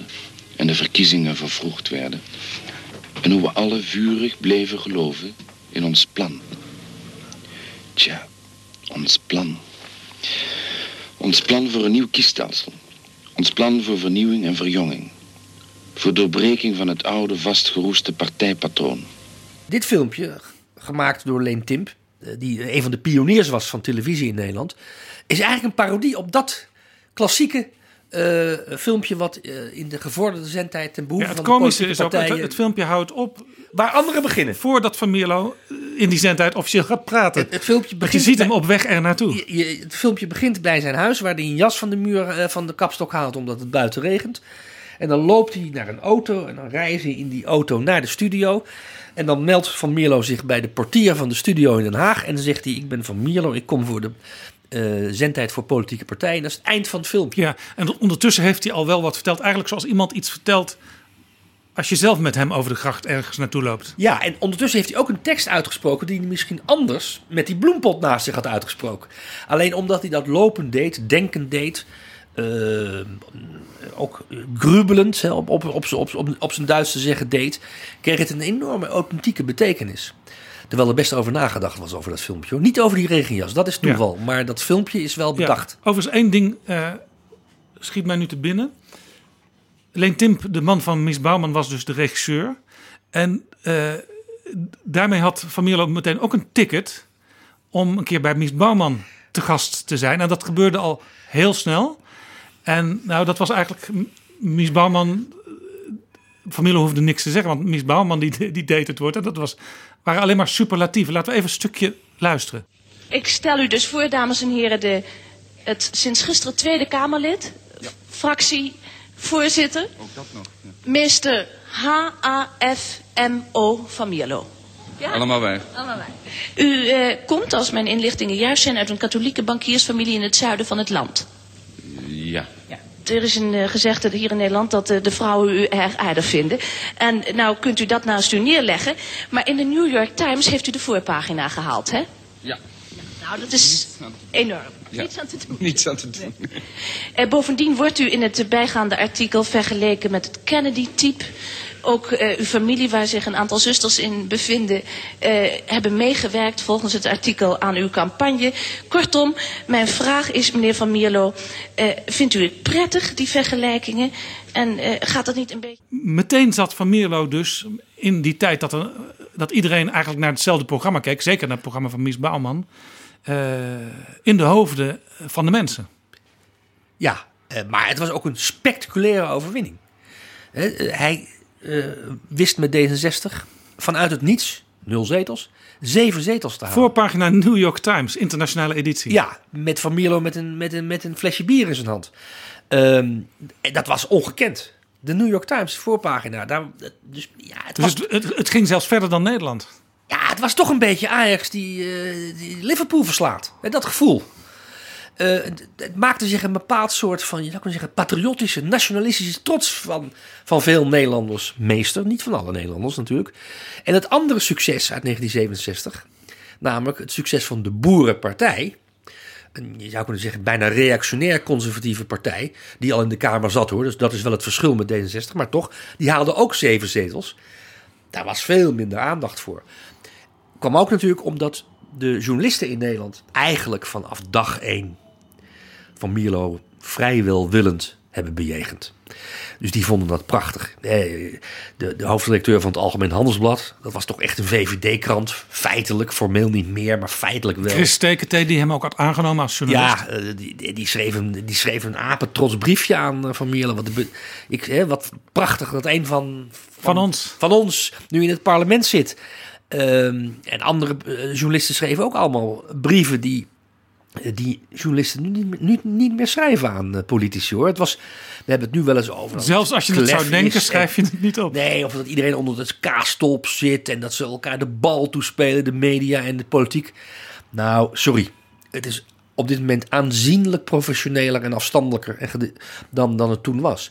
Maar goed, Van Mierlo had niks te klagen. Die, eh, die kwam overal waar die, eh, waar die wilde komen en Ja. werd inderdaad... Wat, wat, wat eigenlijk extra opmerkelijk was, omdat de kranten nog, je zei het al een beetje, voor een groot deel uit de verzuiling voortkwamen. Dus ze hadden allemaal wel een politieke kleur. En daar kwam ineens deze man die eh, juist de potentie had om buiten dat hele zuilensysteem te staan. Die kwam en die kreeg meteen een goede pers. Ja, maar de belangrijkste kranten eh, van Nederland waren kort daarvoor ontzuild, om maar even zo te zeggen. Dus eh, in 1966, eh, vanaf 1966 schreef het Algemeen Handelsblad en de NRC niet meer een dag voor de verkiezing alles afwegende, toch maar VVD. In 1965 had de Volkskrant ehm, niet alleen de ondertitel Dagblad voor eh katholieke arbeid- Nederland. Nee, katholieke arbeiders. geschrapt. Maar had ehm, eh, de, de, de Volkskrant ook besloten om niet meer op de voorpagina een nieuwsbericht te plaatsen van vandaag zijn de verkiezingen. Op de, woensdag van de verkiezingen. Gewoon een nieuwsbericht bovenaan. Eh, en dat betekent dit en dit en de katholieke arbeider stemt dan KVP. Dat deed de, de, de Volkskrant tot 1965 nog wel. En daarna niet meer. Dus er was, een, er was in, die, in die jaren een enorme bevrijding. Eh, Een gevoel van, van, van emancipatie. Ja. Ook onder de verzuilde journalisten. Harry Vaas, dat heeft niks met Van Mierlo te maken. Maar Harry Vaas was de politieke redacteur van de Volkskrant. En dat was eh, tot 1967 was Harry Vaas de eindredacteur van het verkiezingsprogramma van de KVP. Ja. En die werd daarna net zo makkelijk eindredacteur van het politieke programma van de PPR. Ja, en zelfs gemeenteraadslid in Rijswijk voor de PPR. Ja. Of voor de, zelfs voor de progressieve samenwerking. Ja, dus dat komt allemaal. Dus je moet Van wel zien in die tijd van de jaren 60. Ja. Eh, De tijd van Ja, de- de- de- democratisering, studentenbeweging, jongeren die De reden van stem- ontstaan was natuurlijk ook van eh, de maatschappij verandert in een eh, razend tempo. En de politiek blijft achter. Dus er moet ook in die politiek iets gebeuren. Ja, en daar was Van Mierlo, je zou kunnen zeggen, de meest democratische uiting van. Er was natuurlijk ook heel veel gekkigheid in die jaren. Ter linkerzijde en ter rechterzijde. De boerenpartij hebben we al genoemd. Maar Van Mierlo was de tolk, zoals ik hem noem, van die nieuwe burgerij. Want Nederland was in de, in de jaren 50 enorm veranderd. Eh, De, de, de verzorgingsstaat was opgebouwd, maar ook geprofessionaliseerd. Als je een, een, een- bijstandsuitkering kreeg, of als je in de WW zat, of als je eh, herscholing moest doen, dan ging je niet meer naar de pastoor of naar de dominee, maar je ging naar een, naar een, een, een goed opgeleide, ambachtelijk eh, geschoolde ja. maatschappelijk werker. Ja, ja, toen de, toen de Tweede Wereldoorlog voorbij was, toen kwam de Tweede Kamer weer bijeen. Waren er ook weer verkiezingen. Eigenlijk was de samenstelling vrijwel hetzelfde als voor de Tweede Wereldoorlog. Met andere woorden, de verzuiling die, die was weer in volle hevigheid terug. Maar het ging in de loop der jaren al, zo snel met de welvaart steeds beter. En jij noemt het die sociale zekerheid. Eh, maar zeker begin jaren 60 begon iedereen echt flink meer te verdienen. Ja. Eh, en ook de jongeren, ja, die kwamen in feite in een gespreid bedje terecht. Die mochten ook de baan kiezen die ze wilden, want eh, Of konden gaan er studeren. was genoeg werk. Of konden gaan studeren. Hè? Dus de, de toeloop naar de universiteiten of de HTS'ers, de, de hogescholen zou je Ja, nu zeggen. dus veel meer mensen waren ook snel hoog opgeleid. Ja, en de economie veranderde daardoor ook. Hè? Dus Nederland werd van een agrarische industriestaat werd een, een, een, een, diensteneconomie. Ehm, en de verzorgingsstaat eh, was niet meer eh, de bedeling en was niet meer de goedertierendheid van de kerk. Of, eh, of eh, bourgeois-achtige Ja. goedertierendheid. Nee, dat werd een professioneel vak. Zorgen dat eh, de ziekenfondsen draaiden en de volkshuisvesting op hoog niveau stond. En daar moest je voor doorleren om in die sectoren je werk te kunnen vinden. En dat leidde dus tot een ander soort burgers en dus ook tot een ander soort kiezers. En die kiezers die werden eigenlijk amper bediend door, eh, door, de, door de, de zittende partijen. Ja, want die gingen, eigenlijk, minder. die gingen eigenlijk door alsof het nog steeds 1946 was. Ja, terwijl, ik, dat vind ik een, eh, heb ik, dat heb ik uitgezocht omdat het een, een mooi voorbeeld is. Maar terwijl die, die, eh, die enorme welvaartsgroei, die zich in de jaren 60 ook manifesteert in, de consu- in een consumptiemaatschappij, eh, die leidt ook tot kwalitatieve veranderingen van de samenleving. Een klein voorbeeld. Eh, niet alleen konden mensen een, een, een auto kopen of konden ze een televisie aanschaffen, maar eh, konden ook meer alcohol drinken. En de alcoholconsumptie veranderde ook van karakter. Hè? Dus eh, zeg maar was alcohol voor de Tweede Wereldoorlog jenever en bier. Na de, eh, na de, de wederopbouw in de jaren 50 wordt wijn ineens het belangrijkste, eh, belangrijkste alcoholproduct wat we gaan drinken. Nou, koren op de molen van Van want die hield van wijn. maar dat, dat is niet een grapje alleen. Dat zegt ook iets over hoe die samenleving veranderde. Hè? Dus ik heb het zelf nog meegemaakt eh, als klein kind... dat er in Albert Heijn wijn werd verkocht. Mandflessen Rioja en Magnums Valpolicella. En dat Albert Heijn begon met het verkopen van camembert en andere Het werd Franse allemaal ge- stinkkaas. ineens gepopulariseerd. Ja, je kan ook zeggen gedemocratiseerd. Eh, gewone mensen konden zich ook permitteren om, eh, om Franse kaas te eten. Eh, In Amsterdam had je eh, tot midden jaren 60 alleen maar of chique restaurants of Chinezen. Kwamen ineens in de Leidse buurt in Amsterdam pizzeria's. Dat, dat zijn geen kleine dingen. Dat, dat verandert de samenleving en dat verandert ook de manier waarop de burgers in zo'n samenleving kijken naar het leven om hen heen en kijken naar de politiek uiteindelijk. Ja, jij noemde al ehm, de kerk die heel lang belangrijk was geweest voor, voor veel Nederlanders. Eh, je had natuurlijk Van Mierlo, die kwam uit de katholieke zuil, hè, zelfs uit de katholieke elite in Breda. Eh, je had daar de bank Van Mierlo. Geen klein bankje. Nee, zelfs een filiaal in Brussel, las ik in je eh, boek. Ja, en dat was in de jaren 50 was dat de grootste familiebank van Nederland. Groter dan van Landschot. Ja, mijn vader die eh, uit Brabant kwam. Ik kom zelf ook uit Brabant, maar mijn vader eh, die heeft die hele periode, die was ongeveer even oud als Van Mierlo meegemaakt. En die had het heel vaak als hij dan Van Mierlo weer in beeld zag komen op televisie. De bank van Mierlo. Die, die, die wist dat allemaal. Ja. Ehm, maar die katholieke zuil, die, die, die brokkelde dus af. En Van Mierlo viel van het geloof. Eh, een van de drijfveren van dat beginnende D66 was ook... Ja, we willen af van die verzuiling. En bij Van Mierlo zelf speelde ook nog mee... Ja, we moeten eigenlijk ook af van dat hele eh, katholieke maatschappelijk gedoe. Ja, dat noemde hij het binnenwerk van de maatschappij. Later, toen nog niet in 1967, maar later noemde hij dat het binnenwerk.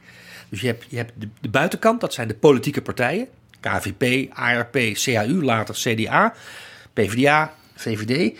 En, eh, en dan heb je het binnenwerk. Dat is onderwijs, volks, gezondheidszorg, eh, maatschappelijk werk en alles wat zeg maar op, op- t- tussen markt en Ja. staat in zit. Al die besturen zaten ook mensen die ook weer KVP'er waren. En dat waren KVP'ers of ARP'ers of ja, CAU'ers. de, de, de protestantse partijen. Ja, en die, en die KVP'ers die, eh, die runden, zou je kunnen zeggen, dus een heel belangrijk deel van het maatschappelijk middenveld, zoals het later ging heten.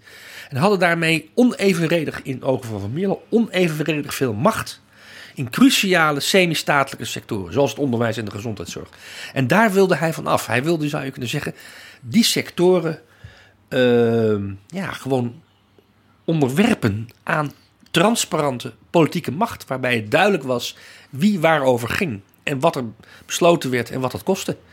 Eh, en de KVP was in zijn ogen dus, je zou kunnen zeggen, de boosdoener, omdat dat de partij was die sinds 1917, 1919, de invoering van het algemeen kiesrecht, op de oorlogsjaren na altijd had geregeerd in Nederland. Ja. Altijd. Ja. Toch, toch heeft Van Mierlo en, en D66 gek genoeg ehm, nooit heel zwaar een punt gemaakt van bijvoorbeeld eh, de vrijheid van onderwijs in de zin van eh, er- waren heel veel katholiek en protestants bestuurde scholen. Dat eh, zat volgens mij toch meer bij de VVD dat die daar af en toe een punt van maakte. Nee, de, de, de, Van Mierlo was niet tegen het geloof.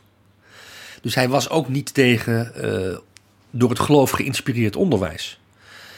Eh, maar hij was tegen de macht van de instituties die Ja, met dat de geloof waren. vanzelfsprekendheid van de macht noemde hij En, dat. Ja, de vanzelfsprekendheid van de macht van de KVP. Maar hij was ook niet tegen eh, het Rooms-Katholieke geloof. Maar hij was tegen de Rooms-Katholieke kerk Ja. als institutie. Ja, nou zou je kunnen zeggen, hij heeft in zijn politieke leven eh, twee echt grote successen geboekt. Want de partij waar hij dan vaak de leider van was, ja, die, die was dan weer eh, even, even een beetje groot en dan weer vrij klein.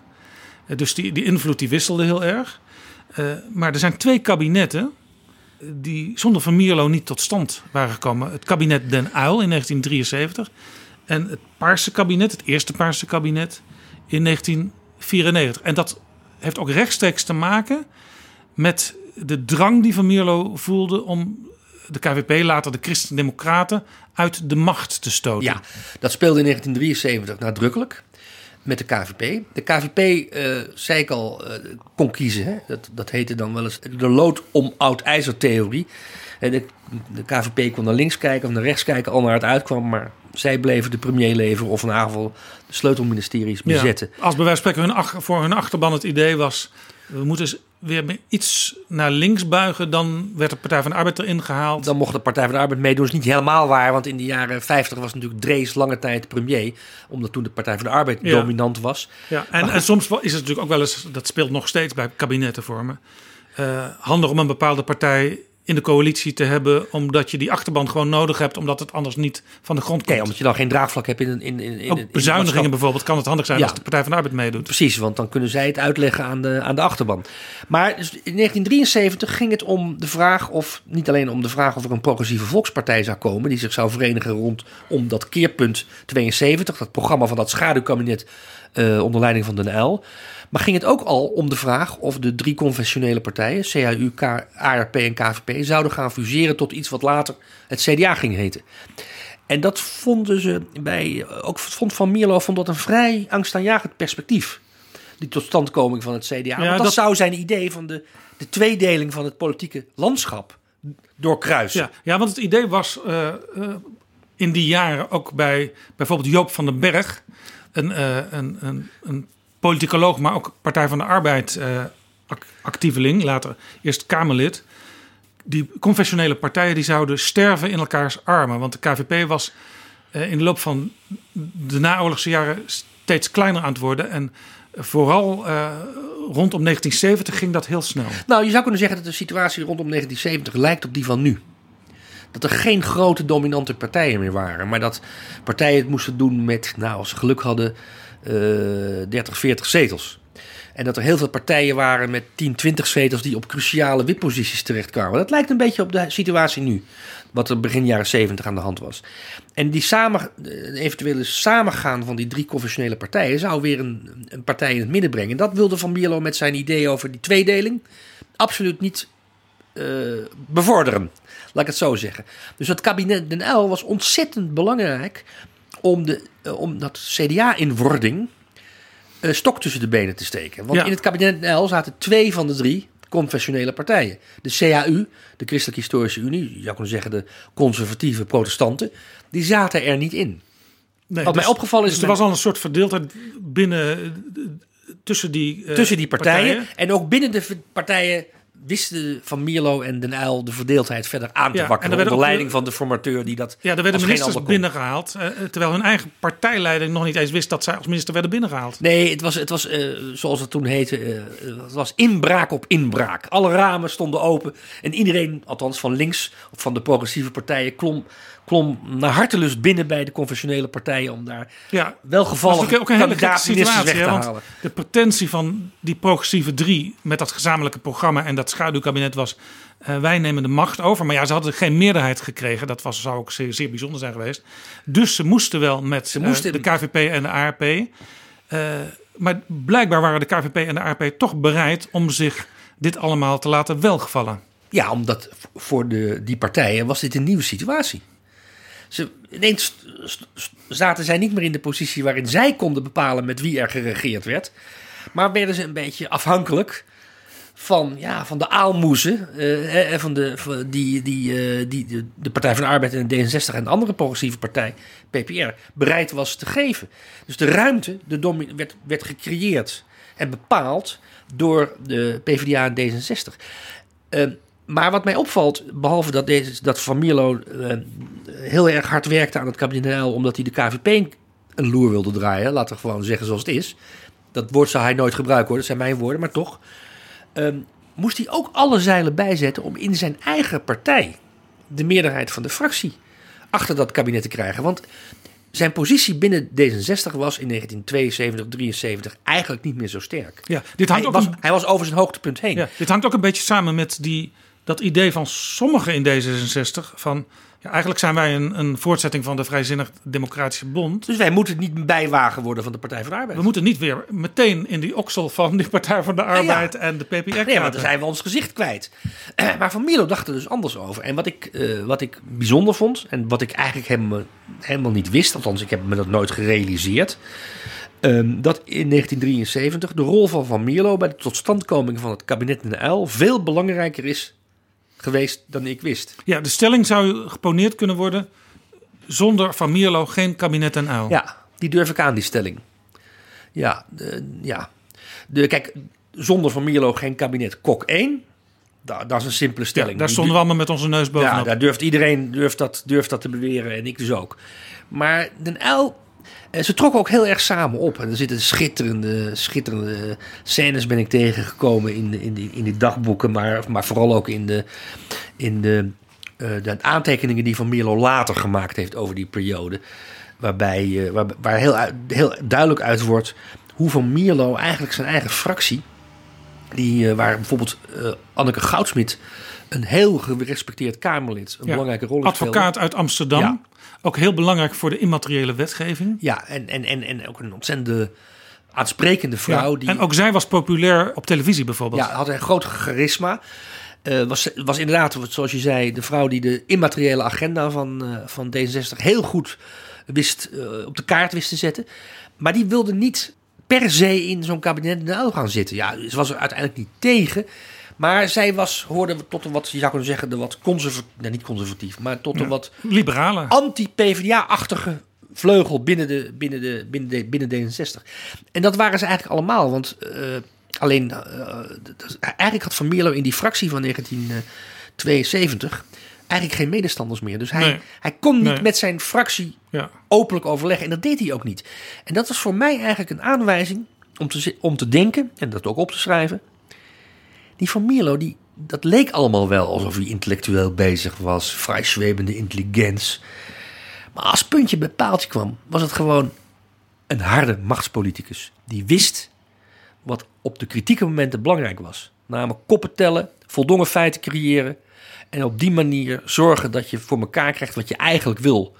En dus met andere woorden, ook wel eens, eh, eh, ook wel eens door de interne partijdemocratie nou, iets minder serieus te nemen. Ja, en dus ook, Van Mierlo liet dus ook hiermee zien dat hij echt wel een regent kon zijn, terwijl de partij eigenlijk tegen het regentendom was opgericht. Ja, nee, maar dat is een mythe natuurlijk. Hè? Dat Van Mierlo eh, als een democraat van, van, top tot teen. Als een man die, die eh, iedereen ruimte gaf. Kijk, Van Mierlo was een patricier, dat zei je al. Een patricier uit, uit Breda. En die, die keek ook zo wel naar, naar, de, naar, naar zijn eigen partij, D66. Ja, er werd ook in de fractie soms eh, wel, ja, toch wel een beetje moeilijk gekeken als Van Mierlo soms na een hele week afwezigheid weer eh, in de vergadering kwam en die dan ook eh, eh, voorzat. En dan ineens de grote lijn, die eigenlijk al in de loop van de week een beetje ontwikkeld was tussen de fractiegenoten, radicaal veranderde. Ja, omdat hij een ander idee had. En dat gebeurde dan vaak ook. Of, of dan werd het dan werd er een moeizaam, ja, dan werd er een moeizaam en vooral zwijgzaam compromis werd er gevonden. Maar het is niet zo dat Van Mierlo eh, geïnteresseerd was in, in, in bestuursverkiezingen, in eh, notulen, in actielijstjes, in eh, Hij heeft ook een ste- besluiten die moesten hij worden heeft ook eens, dat schrijf je in je boek, tegen Jos Kampman gezegd. Jos Kampman was de, de fractievoorlichter, is dus ook jarenlang met hem op pad geweest. Ja, eigenlijk zo'n partij, een lijst D66, dat zou eigenlijk ook al voldoende zijn. Niet zo'n hele partij erbij, dat geeft maar gedoe. Ja, nou, je zou kunnen zeggen, dat is een heel 19e-eeuwse opvatting over de rol van een politieke partij. Eigenlijk als een kiesvereniging en meer niet. Eh, Een, een- een opvatting over de politieke partij die door het ontstaan en het succes van de ARP en de Partij van de Arbeid, SDAP voor de oorlog, eh, ja, is overwonnen zou je kunnen zeggen. De, de kiesvereniging als vrijblijvende vereniging van mensen die ongeveer hetzelfde idee hebben. En eh, globaal met elkaar eh, vergaderen over onderwerpen. Dat was eigenlijk een beetje zijn idee over, eh, over de politieke partij D66. Hij wilde het ook nooit een partij noemen. Hè? Het was een beweging in zijn ogen. Dit is Betrouwbare Bronnen, een podcast met betrouwbare bronnen. Zijn tweede succes was Paars. Ik, weet, ik heb mijn leven nooit gepland. Dus ik heb ook geen idee van hoe dat verder loopt. Ik weet nu wat voor me ligt. En wat ligt er voor u? Een mateloze, vermoeiende verkiezingscampagne. Drie verkiezingen. En dan een kabinetsformatie waar we wel of niet eh, in de boot blijven. Wat wilt u? Wilt u regeren? Als, de, als, het, als het kan, ja. Met wie? Ik zou het liefste, eh, het is bekend, ik zou het liefste zou ik een, eens een keer een verandering in Nederland willen hebben. Dat je eh, eens een keer zou kunnen regeren zonder het CDA. Dus Maar- niet tegen het CDA, maar dat is voor een verandering. De KVP en de AIA waren inmiddels CDA geworden. Toen was het CDA helemaal niet meer nodig. En de twee mannen met wie die dat, het kabinet moest, moest vormen... Wim Kok van de Partij van de Arbeid en Frits Blokstein van de VVD... die zaten nog heel erg in hun hoofd met... eh, ja, VVD wil toch iets met het CDA? Ja, Partij van de Arbeid wil toch eigenlijk ook iets met het CDA? Klassieke schema formeren we een centrum-links kabinet of een centrum-rechts kabinet. En eh, met in alle opzichten, in alle opties, het CDA in het midden. Ja, en het komische was dat Elko Brinkman, die toen Lubbers was opgevolgd als CDA-leider, eh, die dacht is bij zichzelf nog wel, het, het kan nog wel goed komen. Elko Brinkman, die notabene ooit in zijn jonge jaren eh, lid was geworden van D66, maar al, al snel eh, dus richting die Christen-Democratische Partij. Eh, maar dat gebeurde niet meer, omdat Van Mierlo, hoewel die wel vol zat met twijfel, dat blijkt ook heel erg uit ja, boek, dat is ook weet je, de, de, de rode draad in zijn hele leven. Altijd aan alles blijven twijfelen. Altijd overal dilemma's en paradoxen. Ja, hij, hij sprak in vraagtekens en niet in Nee, uitroeptekens. en ook wel de neiging om zich, zich terug te trekken, juist als het moeilijk was. Maar toen niet. In 1994 niet. Eh, De rekensom was heel simpel. Er kon geen kabinet geformeerd worden zonder D66. Eh, We laten GroenLinks even buiten beschouwing. Die hadden bovendien trouwens een ongelooflijk slecht verkiezingsresultaat geboekt in 1994. Dus die waren hun eigen wonden aan het likken. Zonder D66 kon het niet. Dus D66 was bepalend. Maar de klassevijanden, om het even in ouderwets marxistisch jargon te zeggen, Kok en Bolkestein, die, dat ging niet samen. En de partijen wilden ook niet samen. Dat is niet helemaal waar. De VVD wilde vooral niet met de Partij van de Arbeid aan zo'n paars experiment beginnen. Binnen de Partij van de Arbeid was er aanzienlijk meer aanhang onder het kader voor een paars kabinet dan onder het VVD-kader. Ja, nou, wat interessant is in je boek, je schrijft op een gegeven moment zelfs over de verhoudingen in de VVD-fractie. En die waren eh, letterlijk de helft plus één tegen, tegen paars. een paars experiment. En dat werd. eh, en, en dus daar moest Bolkestein was niet alleen maar misschien zelf sceptisch over een succes van Paars. Hij had ook al die, eh, ik zou zeggen, om het maar zo te zeggen, klassieke VVD'ers in zijn nek hijgen. Ja. En tegelijkertijd in de Partij van de Arbeid was wel bijna iedereen ervoor om D66 vast te houden. Ja, alleen Kok niet. Althans, Kok kon niet zonder D66, dat wist hij ook al. Maar Kok had geen echte behoefte aan dat paars. Dat stond te ver van hem af. We moeten niet vergeten dat Kok de, de, de, de vijf jaar daarvoor in dat kabinet Lubbers-Kok... Ja. Kok vond Van Mierlo heel aardig, maar hij begreep hem niet. Nee, het is een, een, een ramp van een man, maar een, een schat van een jongen. Heeft Kok ooit gezegd tegen iemand over Van Mierlo. Ehm, en Kok, maar dat is even het wat meer politieke deel van zijn, je zou kunnen zeggen, zijn huiver bij Kok. Hij had net de WHO-crisis achter de kiezen. Eh, en De wet op de arbeidsongeschiktheidsverzekering. ja, en de, de, de- samen in het kabinet Lubbers, eh, Kok, moest de PvdA meewerken aan een drastische wijziging van de WHO, de arbeidsongeschiktheidswetgeving. Ja, en daar is de Partij van de Arbeid bijna aan ten onder gegaan. En Kok moest Kok zelfs dus eigenlijk vechten voor zijn voor zijn leiderschap op het congres. Ja, en, eh, en, en Kok werd ook ineens door die WHO-crisis links ingehaald door D66. Want D66 had een, een socialer idee over de, over de hervorming van de WHO dan de Partij van de Arbeid eh, eh, had gedragen in dat kabinetsbesluit van Kok, eh, van Lubbers-Kok. Dus dat leidt er bijna toe dat Kok in een spiegelpaleis terecht kwam. Ja, en sterker nog, Kok wist ook dat onder de, onder de FNV-leden, een, een jaar voor de verkiezingen, D66 de populairste partij was. Zeg, in de vakbeweging, FNV, die Kok had geleid tot 1986, in zijn vakcentrale, met andere woorden, was D66 in 92, 93 de grootste partij on, eh, qua populariteit. Dat was natuurlijk vloeken in de kerk voor Kok. En daar kon hij heel slecht mee omgaan. Maar toen heeft eh, Van Mierlo toch voet bij stuk gehouden. En ook daar zag je weer zijn, zijn killersinstinct en zijn, eh, en zijn kwaliteit om te durven pokeren. Hij hield vol dat er maar één optie was. Centrum links, centrum rechts met D66, ondenkbaar. Zei Van Mierlo tegen iedereen die het maar wilde horen, inclusief koningin Beatrix. Die zei, meneer Van Mierlo, het land moet wel bestuurbaar blijven. Zullen we even een beetje inbinden?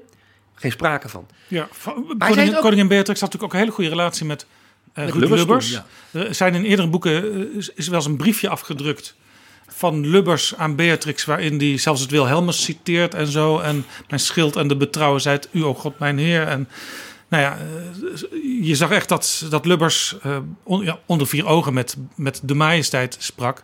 En zij had natuurlijk ook met, met, met Lubbers en dus met het CDA te doen. Ja, en ze waren natuurlijk ook leeftijdsgenoten. Hè. Dat, dat wordt wel eens onderschat, maar ik denk dat dat een rol speelde in de, in de hechte band die Lubbers en, en, Ja, en Lubbers was ook premier geworden toen Beatrix ongeveer een jaar, aantrad. twee Ja. eh, na- nadat Ja. eh, Beatrix met grote Ze zeiden ook tegen elkaar, we gaan het samen doen. We gaan het samen doen. Het is een beetje vergelijkbaar zou je kunnen zeggen met Willem-Alexander en Rutte op dit moment. Die zijn ook min of meer gelijk aan de macht gekomen. Ja. Leeftijdgenoten. Dus dat schept een band. Dat is onvermijdelijk. Ehm, maar even over dat, over dat machtsinstinct, die Wielertsoormacht van, van, van, van Mierlo. Als het fout gaat in die formatie, in de eerste ronde van de formatie, als, omdat Bolkestein de stekker uit de formatie voor paars trekt, dan is er een belangrijke groep binnen de D66-fractie. Dat zijn al inmiddels 24 fractieleden, hè, want groter is D66 Nee, nooit de geweest. grootste D66-fractie ooit. Ooit. Eh, en dan zijn er toch zijn er serieuze fractieleden die zeggen: ja, maar we moeten, als het, als het echt niet anders kan, dan moeten we toch maar kiezen voor die centrum-linkse optie. Dus zelfs binnen zijn eigen partij was daar verdeeldheid over. Nou, verdeeldheid niet, want Van Mierlo was natuurlijk. het was meer strategisch, moet je meer opties ja, hebben. en het gezag van Van Mierlo was, ik bedoel, 24 zetels had hij binnenge, binnengesleept. Het gezag van Van Mierlo was natuurlijk ongekend op dat moment. Dus verzet was er niet. Maar er waren mensen die kanttekeningen hadden bij die volledige fixatie Ja, bijna dus ook hier op eigenlijk de herhaling van de geschiedenis, net als in 1973 bij het kabinet en Uil. Hij, liet zich dus niet helemaal ook de oren hangen naar zijn eigen fractie. Nee. Hij ging zijn eigen koers. En, ehm, en dat heeft gewerkt. Eh, ook omdat hij een beetje geluk had. Maar dat, is, dat, dat voert te ver. Maar die Elko Brinkman die je al noemde... die had maand, een, ma- een maand na de verkiezingen nog niet door... dat het CDA verloren had. Dus die, die begon een beetje onhandig te opereren. Dus hij kreeg wel hulp in dat formele proces. Maar de hoofdzaak was dat hij voet bij stuk hield... en zei geen sprake van paars of niks. U heeft nog steeds een boodschap. Evenzeer en even sterk als in 1966. Ja. En hij is ook een wezen, hoe vreemd dat ook mag klinken bij een maatschappij die, waarin zoveel verandert. Hij is een wezen, bevat hij nog dezelfde elementen als eh, toen we begonnen. Noem ze op. Dat is dat eh, als, als de, de, de verbanden die tot nu toe onze maatschappij bij elkaar hebben gehouden in dat, in dat andere stelsel, dat zuidenstelsel, als die wegvallen, dan moet je in een democratie zoeken naar zo direct mogelijke verbanden tussen degene die over die mensen gezag of macht uitoefent en de mensen zelf. En als je dat niet doet, dan zal die burgerij zich langzamerhand afkeren van die politiek. Dat was een wezenlijk element toen. Het tweede punt is dat de mensen ten opzichte van elkaar in die zin hun verhouding hebben gewijzigd dat ze niet meer in groepen eh, tot elkaar bestaan en ook niet meer door politici eh, worden eh, aangeroepen als zijnde lid van die groep, maar dat de mensen zijn, zoals dat heet, geïndividualiseerd. Dat geeft politiek grote problemen, want de politicus bestaat bij de gratie van het feit dat hij een groep aanspreekt. En de reden waarom de politiek nu in de problemen zit, is onder andere dat de groep aan het wegvallen is. En dat de mensen zich niet meer binnen een groep laten aanspreken. Alle partijen hebben daar problemen mee. En bijvoorbeeld de Sociaaldemocraten bij uitstek, omdat die meer nog dan anderen bestonden bij de gratie van de groep. Dat is een probleem waar we nu op het ogenblik voor staan en waar wij in het begin, eh, 25 jaar geleden, eigenlijk als eerste over begonnen te denken. We hadden, wij kwamen ook niet uit een groep voort. Wij richten ook ons niet tot een bepaalde groep. Niet tot vakbonden, niet tot werkgevers, niet tot katholieken of protestanten of nempert wat voor groepen, jongeren of ouderen. We hebben ons altijd in een algemene boodschap tot iedereen gericht. Nou, dat, Dat- dat is is een ook jullie tweede. En er is een, Dat is ook jullie zwakte ja, geweest. dat was, politiek. dat was in die jaren vaak onze zwakte. Dat zei men ook van ons. Jullie zijn niet geworteld in de Nederlandse maatschappij. Maar dat wat toen een achterstand was, begint nu iedereen dit probleem krijgt, begint een lichte voorsprong te worden. En de briljante vondst die hij een keer had op een nacht was... Oké, als er dan geen paas kan, dan maar een minderheidskabinet. Dan liet hij in het midden of dat een minderheidskabinet was met de Partij van de Arbeid of met de VVD. Maar je kon vermoeden dat dat een minderheidskabinet zou zijn met alleen de PvdA. Want uiteindelijk was, zoals ik al zei, Van Mierlo een sociaaldemocraat. Een minderheidskabinet. Dat moet, dat moet dan maar. Met gedoogsteun zo- in de Kamer. Dat sociaaldemocraat, dat zullen denk ik, eh, nou 99% van de D66'ers die het boek lezen, die zullen daarvan schrikken. Ja, dat denk ik ook. Ehm, maar ik, ik- omdat ze het misschien ook iets te veel associëren met het begrip socialisme. Dat zou ik niet willen doen. Ehm, en, en, en misschien ook omdat die D66'ers iets te weinig weten over de belangrijke rol die sociale liberalen eind 19e eeuw eh, hebben, hebben gespeeld in, de, in, de, eh, in het afhandelen, het behandelen van de sociale kwestie. de grote ja, sociale ja, tegenstellingen. daar is een boek over verschenen, de kanon van het sociaal liberalisme. Daar hebben we Ja. als betrouwbare bronnen ook een aflevering aan gewijd. Maar goed, dat zou voor Van Mierlo juist een reden kunnen zijn om dat etiket sociaal liberalisme ook te omarmen. Ja, eh, het zou heel goed kunnen. Maar goed, hij wilde geen partij zijn en hij Ja. wilde geen etikettering eh, voor D66. En hij wilde dat D66 het systeem zou veranderen. Ja, maar hij, is, hij heeft dus, hij heeft dus eh, twee keer echt de macht gebruikt, de sleutel die hij in handen had, Ja, gebruikt en niet wel. weggegeven. Ehm, er was ook angst. Jij zei, eh, onder FNV-leden was D66 op een bepaald moment zelfs even de grootste partij bij een peiling. In de Partij van de Arbeid waren ze ook bang in 1994 dat Van Mierlo in de verkiezingscampagne voluit voor het premierschap zou gaan. Wat in die tijd eh, ook heel bijzonder zou zijn geweest. Want bij het premierschap werd eigenlijk alleen maar altijd traditioneel gedacht aan de Christen-Democraten of de Partij van de Arbeid. Ja, maar sorry, ik wil niet vervelend zijn. Dat was in 1993 een hele reële strategische optie voor D66. Bij alle opiniepeilingen in 1993, hè, dus een jaar voor de verkiezingen, kwam D66 als tweede partij uit de bus. Het CDA was toen nog de grootste in die peilingen. Het kwam ook voor een deel omdat Nederland niet precies wist dat het een ongelofelijke bende was binnen het CDA. Eh, maar D66 En Lubbers was er nog steeds. Die En was Lubbers wel was- aan het afscheid ja. maar hij was er nog. En, en, en D66 kwam steeds als tweede uit de bus. En de Partij van de Arbeid en de VVD moesten dan knokken om de derde en de vierde plaats. Dus het idee dat D66 niet meer het, het kleinste jongetje in de klas was, maar de grootste jongen in de klas kon worden, was in 1992, 93 een heel reëel idee. Ja, toch, toch zette Van Mierlo die stap niet. Terwijl eh, in 2021 zet D66 met eh, Sigrid Kaag eh, ja, 13, 14 zetels in de peilingen die stap wel. Ja, eh, dat heeft alles te maken met, denk ik, met de persoonlijkheid van Van Mierlo. Wie ziet u als premier Kok? Mogelijkerwijs. Eh, ik bedoel, ik, ik, ik denk dat dan van Heeft de- u zelf er ooit van gedroomd om premier te worden? Eerlijk, eerlijk, eerlijk, eerlijk. Kijk maar aan. Tekst. Hans. gedroomd? Nou, Ja, een nachtmerrie. Nee, gefantaseerd. Nee. Nou, Nee. ja. Wanneer? De laatste keer? Ja, dat, u, dat je echt dacht van ik... Hoeveel maal? Nee, zeg. Ik voel me ineens in de bierstoel zitten. Ja, dat is het ook een beetje. Ja. Nou, ik, ik denk daar... Geloof me nou maar, ik denk daar heel weinig over na. Nee, heel weinig, maar wanneer wel? Als je er niet bij bent. Ja, maar je hebt het dus wel eens ge- gefantaseerd. Nou, ik moet er wel en- eens rekening mee houden. Het, het is niet uitgesloten En dat het zich voordoet. Ja, wat dacht je dan? Lekker, leuk, fijn? Hoi, Nee. de baas van Nederland? Nee, de baas, nee. Nee, nee. Nee, ik denk dat niet. Ik bedoel, Wanneer, wanneer dacht u het voor het laatst? Van, nou, ik zou echt wel toch premier willen worden. nee maar luister, Nou, nee, dat is dus niet waar. Oh. Ik, het is niet zo dat ik graag premier van Nederland word. Maar wel dat je er... Maar het is wel zo dat het mogelijk zo loopt. Ik heb in zijn aantekeningenboeken ben ik passages tegengekomen waar echt uit blijkt dat hij eigenlijk een beetje bang was voor het idee dat D66 de grootste zou worden. Dat hij bang was dat D66 dat ook niet waar kon maken. Waar moest hij die mensen vandaan halen om die ministeries te bevolken, die staatssecretariaten eh, eh, te, te bemannen en te bevrouwen? Maar dit staat weer een beetje op gespannen voet met het machtsdenken, wat, wat je hem wel toedicht. Ja, hij, eh, voor dat hoofdidee. Het hoofdidee van Paars. Maar het idee dat D66 i- in er eentje. Ja, ik weet nog steeds niet of D66 nou mannelijk of vrouwelijk is.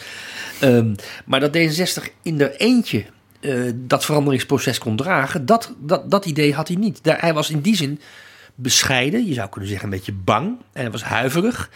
En er zijn passages in die, in, die, in die dagboeken waarin dat heel duidelijk naar voren komt. Dat hij zegt, ja, maar ik moet er niet aan denken dat hij nachtmerrie heeft. Dat hij, de, dat hij, eh, dat hij ineens eh, eh, alle verantwoordelijkheid eh, op zijn bord krijgt. Ja. En dat hij dan wakker schrikt en denkt van dat mag niet gebeuren. Hij was ook geen manager, hè? want eh, ik ben ook wel eens bij hem thuis geweest, s ochtends. De restjes van de dinertafel, die stonden eigenlijk allemaal, de, de, de half lege bakken sla, die stonden er allemaal nog. Dus zelfs zijn eigen huishouden eh, organiseerde die niet echt. Nee, nou god, een beetje Jan Steen. Wel gezellig hoor. Want Zeker. je hoort van heel veel mensen uit zijn meer familiaire of vriendenkring. Eh, hoe ontzettend leuk het daar was. Ja. Eh, als hij dan. Er werd altijd een fles opengetrokken. En eh, an- ander voorbeeld ook van de, de- dat beetje Ja, maar hij, kon ook een beetje, hij kon ook een beetje Bourgondisch koken. hè. Grote stukken vlees, lekker met Ja. boter braden, gebakken aardappeltjes. Met Er lagen losse tegels in, in het stukje naar de keuken lopend. Ja. En twee jaar later lagen die er nog steeds ja. los. Ja. Ehm, hij kon geen koffie zetten, viel me op. Hij ging op een gegeven moment zoeken in de, in de keukenkast. Vond hij een soort van uh, roosvisé-achtig eh, siroop. Ja. Eh, wil je dit misschien drinken? Dit is ook heel lekker hoor. ja, ja. Uh, over, over koffiedrinken gesproken. Uh, Lubbers kon dat ook niet hoor. Ik ben één keer in, in het kader van dit boek bij Lubbers geweest. En die, die man is echt op zijn, op zijn oudere leeftijd gered door de, het Nespresso-apparaat. Nou, kan, ik kan het je nog sterker vertellen. Mark Rutte die kan ook geen koffie zetten. Kleine anekdote. Hij kwam erachter dat zijn collega in het, uh, in het tweede kabinet Rutte, uh, Jet Bussemaker, dat haar vader had, vertelde Jet, in het huis gewoond, in het appartement waar Rutte nu woont. Dus, nou, leuk. Kom maar een keer langs met je vader, dan kan hij zijn oude huis nog eens een keer zien. en wat was er gebeurd? Want hij had geen koffie, koffiezetapparaat, want ja, hij zette nooit koffie. Je ziet hem ook wel eens op straat lopen met zo'n bekertje. Ja, ja, dat heeft hij dan op straat ja, gekocht. Er moest iemand van de Rijksvoorlichtingsdienst, of in ieder geval van Algemene Zaken komen. Uh, met uh, al, alvast gezette koffie, omdat er dan koffie gedronken kon worden. Maar dit terzijde. nou ja, het verbaast me eigenlijk niks. Van Rutte verbaast het me eerlijk gezegd wel, want die is toch van 1966. Als ik, ja, uh, als, ja, of, ja. ja, zoiets. En, en Lubbers is toch van 1939 en van Milo is van 1931. Ja, in die tijd deed de, deed de vrouw dat nog. Als er een vrouw was. Nou, bij, bij Lubbers kan je dat nog net zeggen. Maar dat is wel, vind ik, een overgangsfiguur ja, hoor. Maar, ja. ja. maar het, het, het, valt mij wel vaker op hoor. Dat uh, politici een bepaald soort van onhandigheid hebben in het uh, gewoon dagelijkse verkeer. Ik, misschien dat ik nu een hele gekke vraag stel. Maar, en misschien is het ook niet waar. Maar ik ken toch vrij veel politici die bijvoorbeeld als ze minister of staatssecretaris waren. altijd zonder portemonnee ja. de straat op gingen. En dan zit je in het café en dan moet jij betalen. Dat is niet erg, maar het, het is me opgevallen.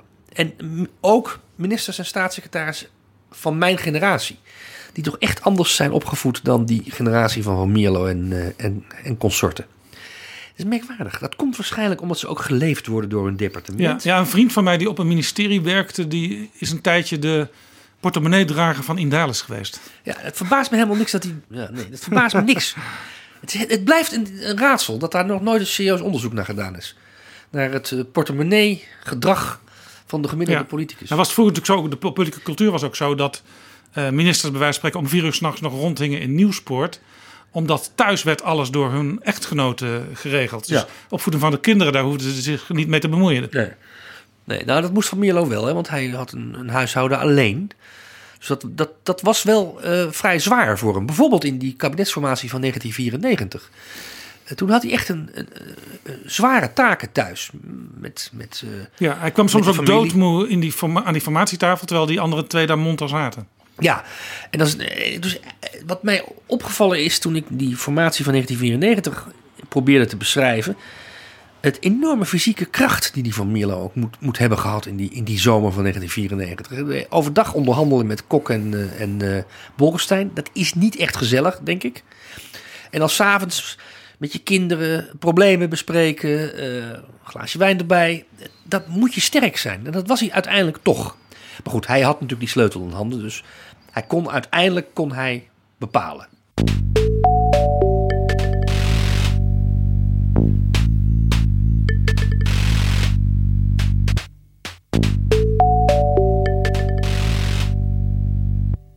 Is het eigenlijk een fout geweest dat Van Mierlo zelf in Paars minister van Buitenlandse Zaken werd? Want het had eh, twee nadelen.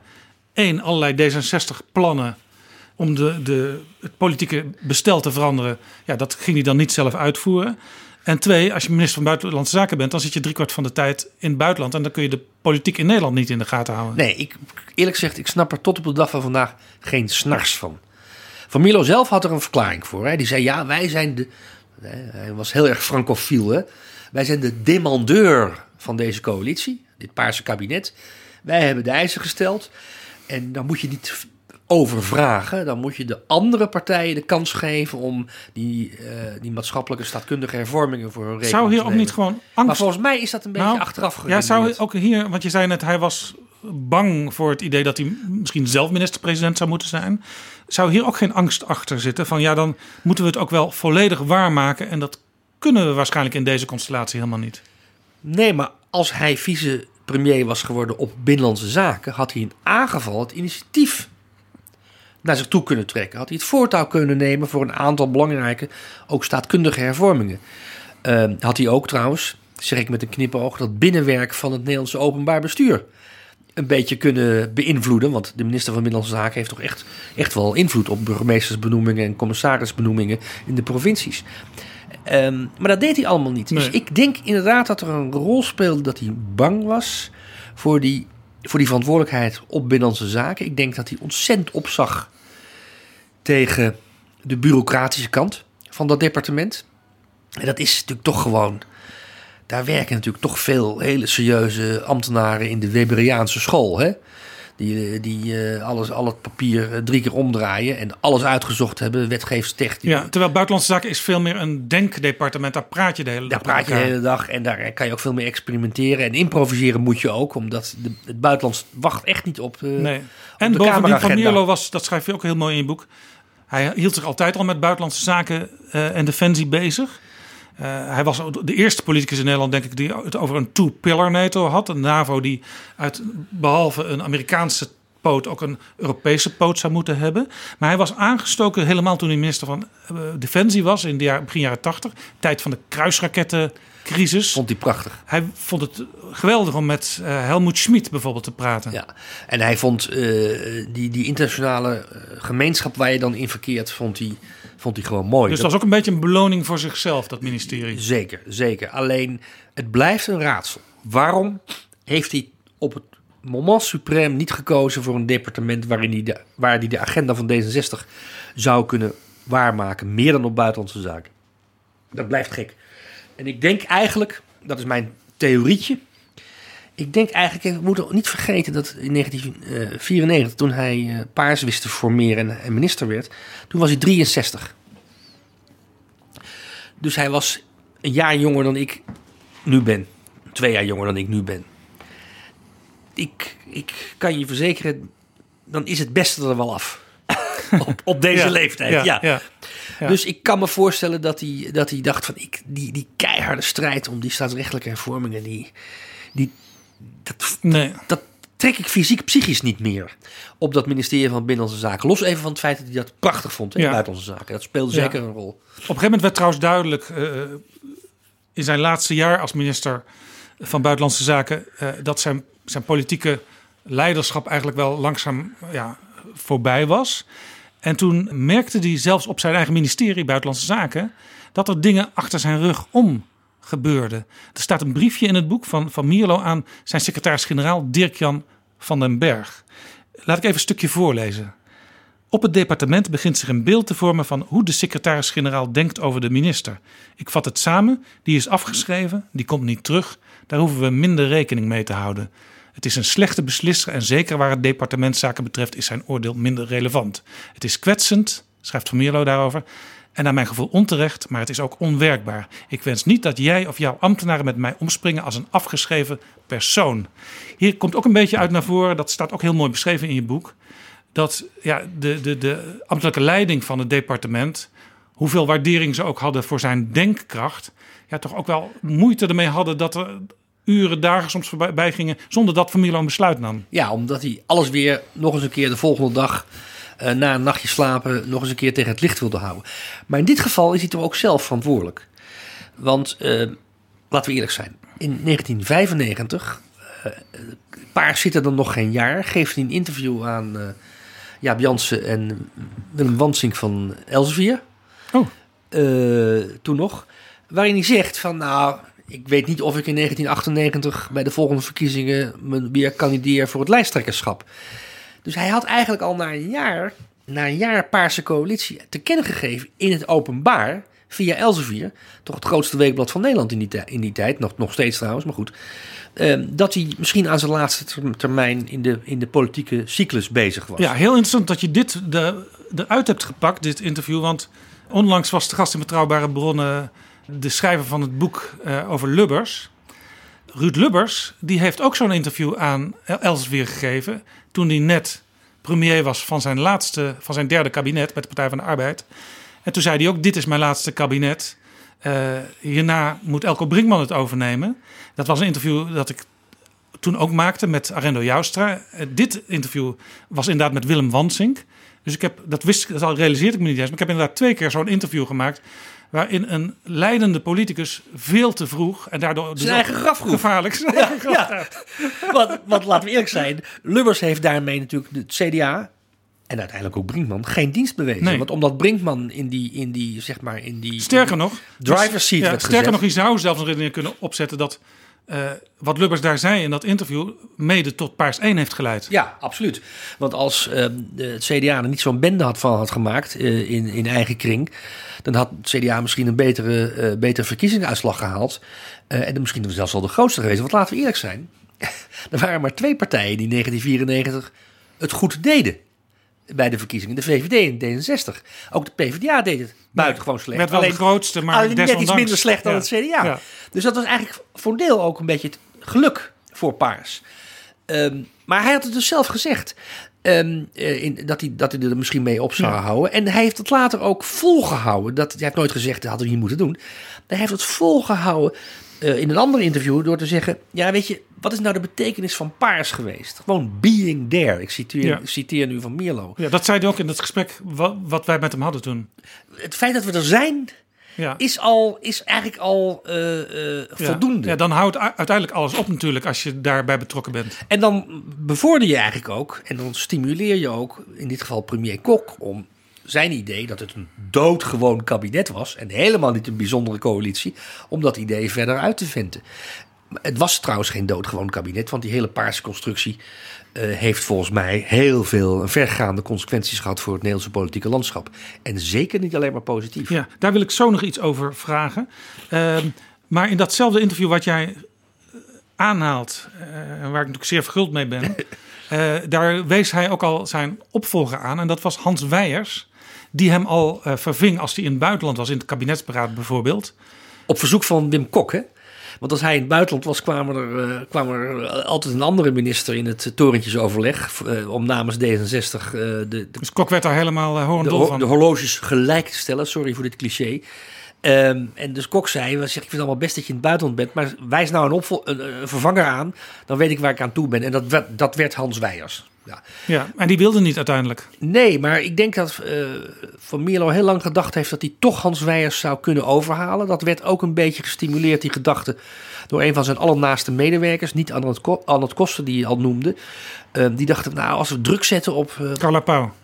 ja, eh, als, je, als we druk zetten op, op, op Weijers, dan eh, wil hij misschien nog wel een keer. En dan zou hij de logische opvolger zijn geweest. Maar Weijers heeft een keer bij een etentje in eh, Florence, bij een Europese top, gezegd: Nee, eh, Hans, ik, ik heb mijn, mijn vrouw beloofd dat ik het vier jaar zou doen. En dat, dat is het. En toen moest hij gaan zoeken naar een opvolger. En toen. Ja, want, ik- want Weijers was in. We hadden het net over mannen die geen koffie konden zetten. Weijers was in die zin al een modernere eh, man.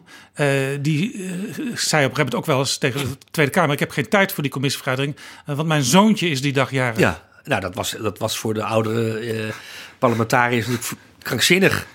De politiek gaat altijd voor. En, en eigenlijk was het natuurlijk het idee dat een man. dat er zat natuurlijk ook iets anders hè, bij Weijers.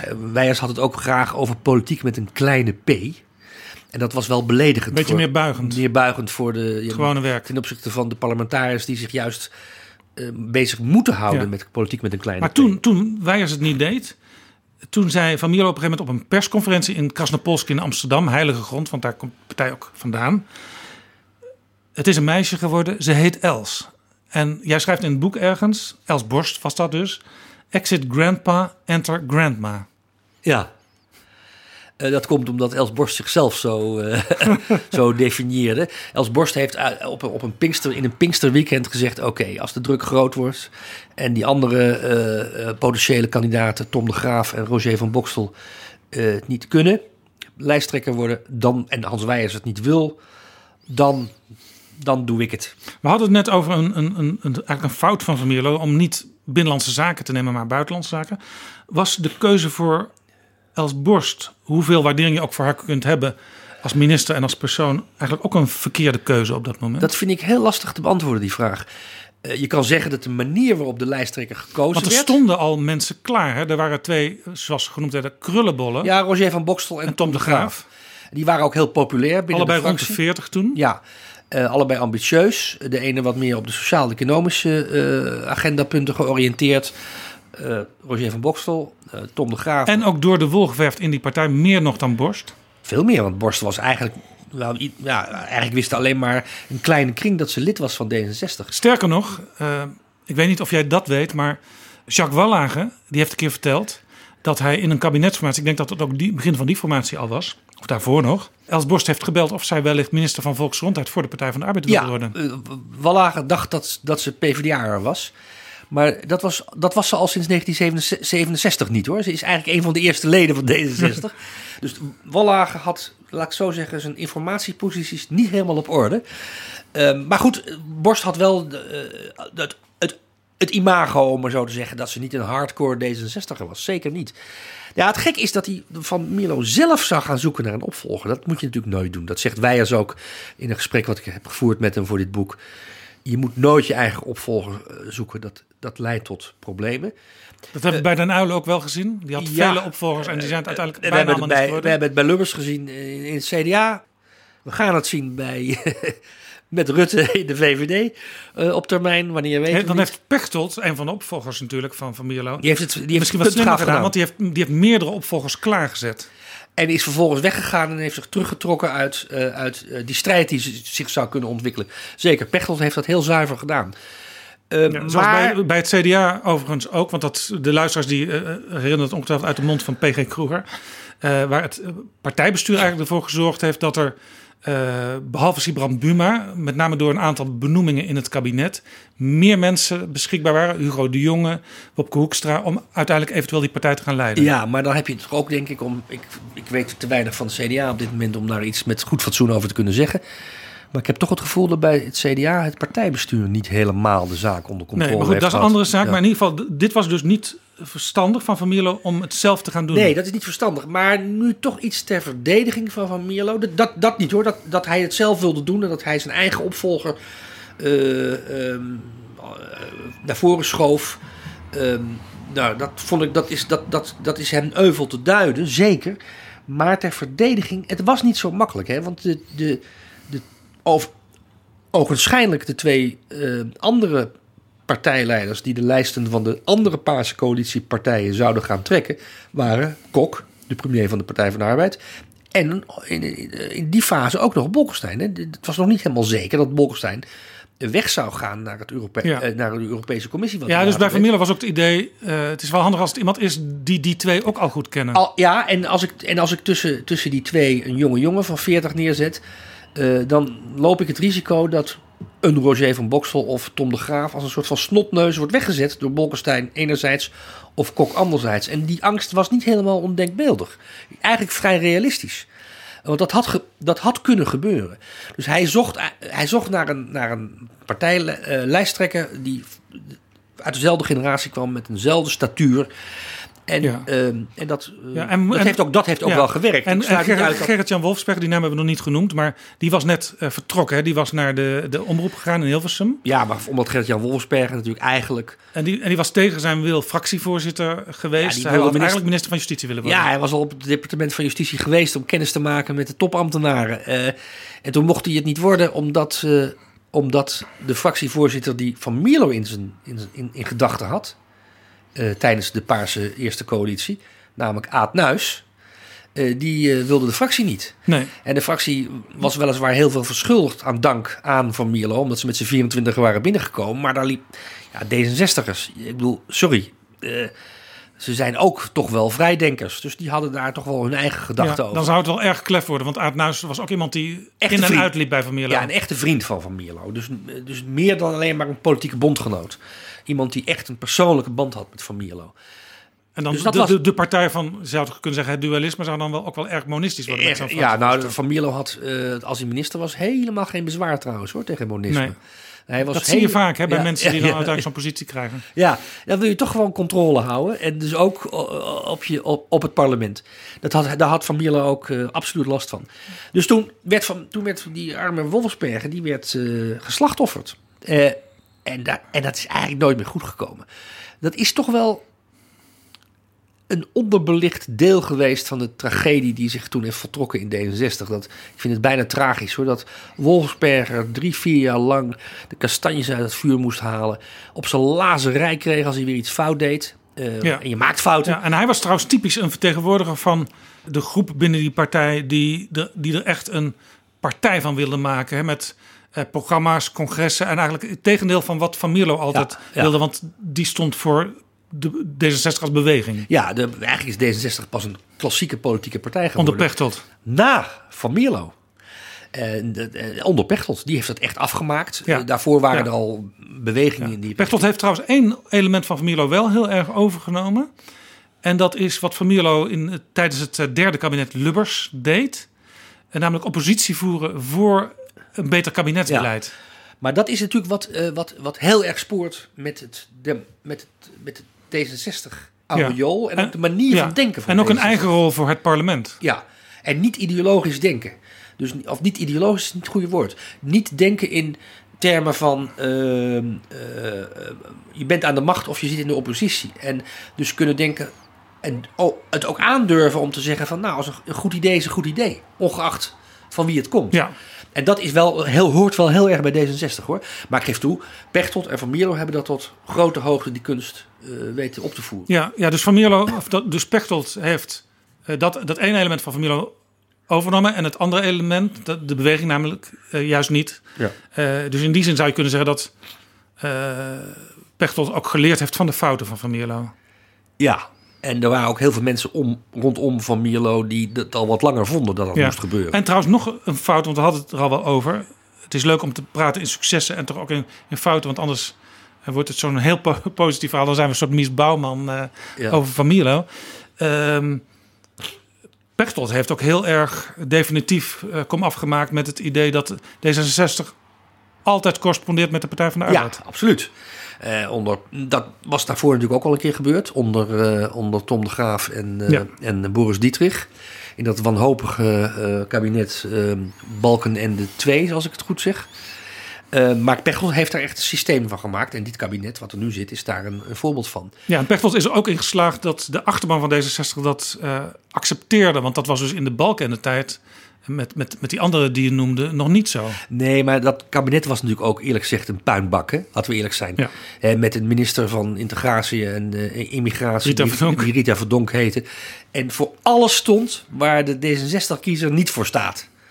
Eh, dus in die zin is het nu makkelijker om, om die achterban te verzoenen met zo'n coalitie dan, eh, dan ja, begin. ja. begin Nog even deze over. Els Borst, want er waren dus Ja, op zich wel redenen voor waarom Van Mierlo voor haar koos. Toch wilde zij eigenlijk vrij snel naar die verkiezingen. eh, D66 ging toen van 24 naar 14 zetels. Wilde zij eigenlijk de, de politiek verlaten. Zij bleef toen minister, maar Tom de Graaf nam in feite Het leiderschap over. de, de fractie en ook de kabinetsformatie over. En Tom de Graaf heeft ook vrij snel, zou je kunnen zeggen, daarna eh, vadermoord gepleegd. Misschien iets te zwaar aangezet.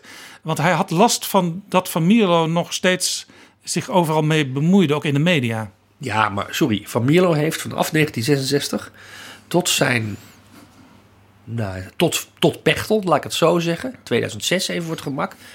Zich altijd op, op een paar jaar uitgezonderd na.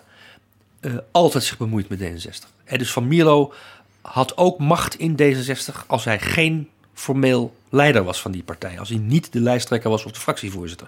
Van Mierlo hing altijd boven die partijen als een soort van goeroe of een orakel of een.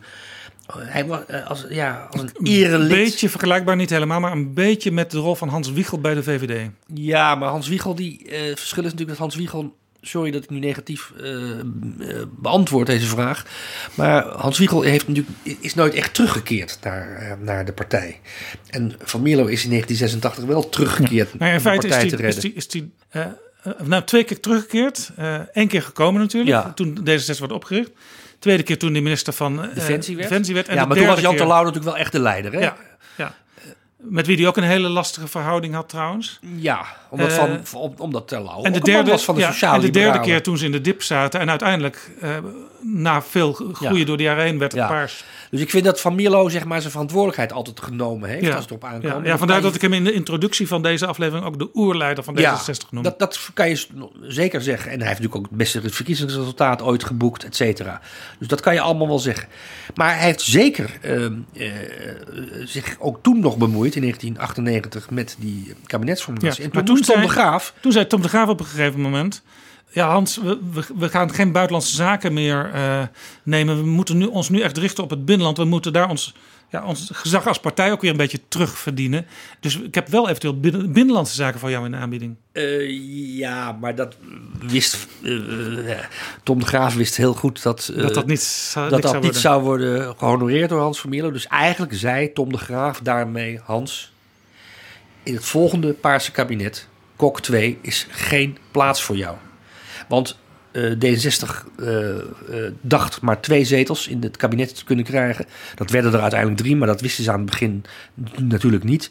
En Tom de Graaf had al vrij snel de beslissing genomen... daar zit geen buitenlands pakket voor ons bij. Want daar is geen, geen drooggebrood electoraal mee te verdienen. Dus hij moest naar Van Milo en moest zeggen... Hans, eh, dat gaan we niet doen. En dat heeft Van Milo heel zwaar gevonden om dat te horen. Dat vond hij absoluut niet leuk. Eh, hij was ook wel een beetje verbitterd, blijkt uit zijn, eh, zijn dagboek uit die tijd. Maar, ik geef toe, het lijkt hagiografisch wat ik nu zeg. Ehm, hij heeft dat nooit naar buiten laten blijken eigenlijk. Nee, het was ook voor het eerst dat ik dat nu zo las. Hij heeft altijd naar buiten toe de indruk gewekt alsof het in grote harmonie was gebeurd. En dat vind ik toch wel. Ja, Knap. Ja, dat vind ik gewoon eigenlijk van een enorm hoog niveau. Getuigen. Dat, dat komt weinig voor hoor. Als je onder, onder, onder, onder op dat niveau politici of voetbaltrainers. Hè, eh, dat je dan zwijgt over je, over je opvolgers. En, en, en als je daarover praat, toch in algemene positieve termen. Dat komt niet veel voor. Ja, Eh, Van Mierlo die, die, die dacht in paradoxen. Dat was ook vaak paradoxe dilemma's. Het was ook een beetje de, de jezuïtische manier waarop hij was opgeleid. Hè? Ja, op, die, op dat college in. in Dus eh, door dingen om te keren krijg je een ander beeld. Van- Lubbers die deed, dat, die deed dat ook vaak. Ja. Laten we de zaken kantelen, zei Lubbers Die dan. hebben, hebben op dezelfde middelbare school gezeten, Lubbers en Van Mierlo. Zij het dat Lubbers veel later op die school En zo kon hij soms ook eh, vastgelopen problemen oplossen in de politieke discussie. Door mensen er op een andere manier naar eh, te laten kijken. Maar een echte paradox is natuurlijk ook wel dat eh, hij verzette zich zijn hele politieke leven tegen eh, zeg maar de, de, de katholieke, de christelijke zuil. Eh, die altijd maar in dat midden stond. Maar uiteindelijk is de positie van D66 nu ook heel erg in het midden. PG Kroeger die zei eens tegen mij... Ja, eigenlijk is het een KVP zonder Maria. Nou heeft PG, PG Kroeger natuurlijk iets minder verstand van Maria dan Hans van Mierlo, denk ik. Gelet op zijn, Misschien wel. gelet op zijn gereformeerde achtergrond. Ehm, maar eh, het klopt ook natuurlijk ook niet omdat de KVP veel groter was dan D66 nu. Maar het, het is wel waar dat D66 zichzelf in een middenpositie heeft, eh heeft eh, gemanoeuvreerd. Want langzamerhand is D66 voor heel veel kabinetten... als het tenminste getalsmatig Ja, zo, zo gaat, nodig. Een, een, een, prettig, een prettige partner. zelfs, Zeker. zelfs als ze niet nodig zijn, worden ze er soms nog bijgehaald. Ja, omdat je daarmee eh, het seculiere deel van het electoraat ook een beetje bedient. Ja, dat is waar. Dat is een paradox. En die komt, denk ik, die paradox is het gevolg van de keerzijde van Paars. Paars heeft heel veel dingen opengegooid in Nederland. Dat is allemaal waar. Heel veel dingen zijn geliberaliseerd, zowel op het materiële als op het immateriële vlak, die eh, met het CDA voordien niet gematerialiseerd, Ja, eh, ja. geliberaliseerd Vooral. Paars 1 was daar succesvol in. Paars 2 is, heeft eigenlijk niet zoveel heel meer, veel meer gepresteerd. Nou, sorry, ik moet je toch tegenspreken. Ik dacht dat eh, de, abort, eh, de, de euthanasiewetgeving... De euthanasiewetgeving lijkt mij bij uitstek paarse verworvenheid. Als je er positief tegenover staat. ja, nee zeker. En dat is bij uitstek ook een, een, een, een wetgeving... Ja. die met het CDA waarschijnlijk niet... Nee. nee, maar ik maak die harmonie onderscheid was tussen Paars gerealiseerd. 1 en Paars 2. Omdat bij Paars 2 ehm, ja, werd het toch iets meer op de winkel passen. En dat heeft misschien later ook geleid Exact. tot de Dat- opkomst van de LPF. Nee, dan zijn we het eens. Eh, de eh, Paars 2 heeft eigenlijk blootge, eh, blootgelegd dat die coalitie, Paars 2, eh, elke vorm van politisering van maatschappelijke vraagstukken had opgegeven. Hè, jij noemt het op de winkel passen. Ehm, En dat is interessant, want z- waar Van Mierlo ooit mee begon in de politiek met zijn partij, was juist het verzet tegen het vastgelopen politieke systeem.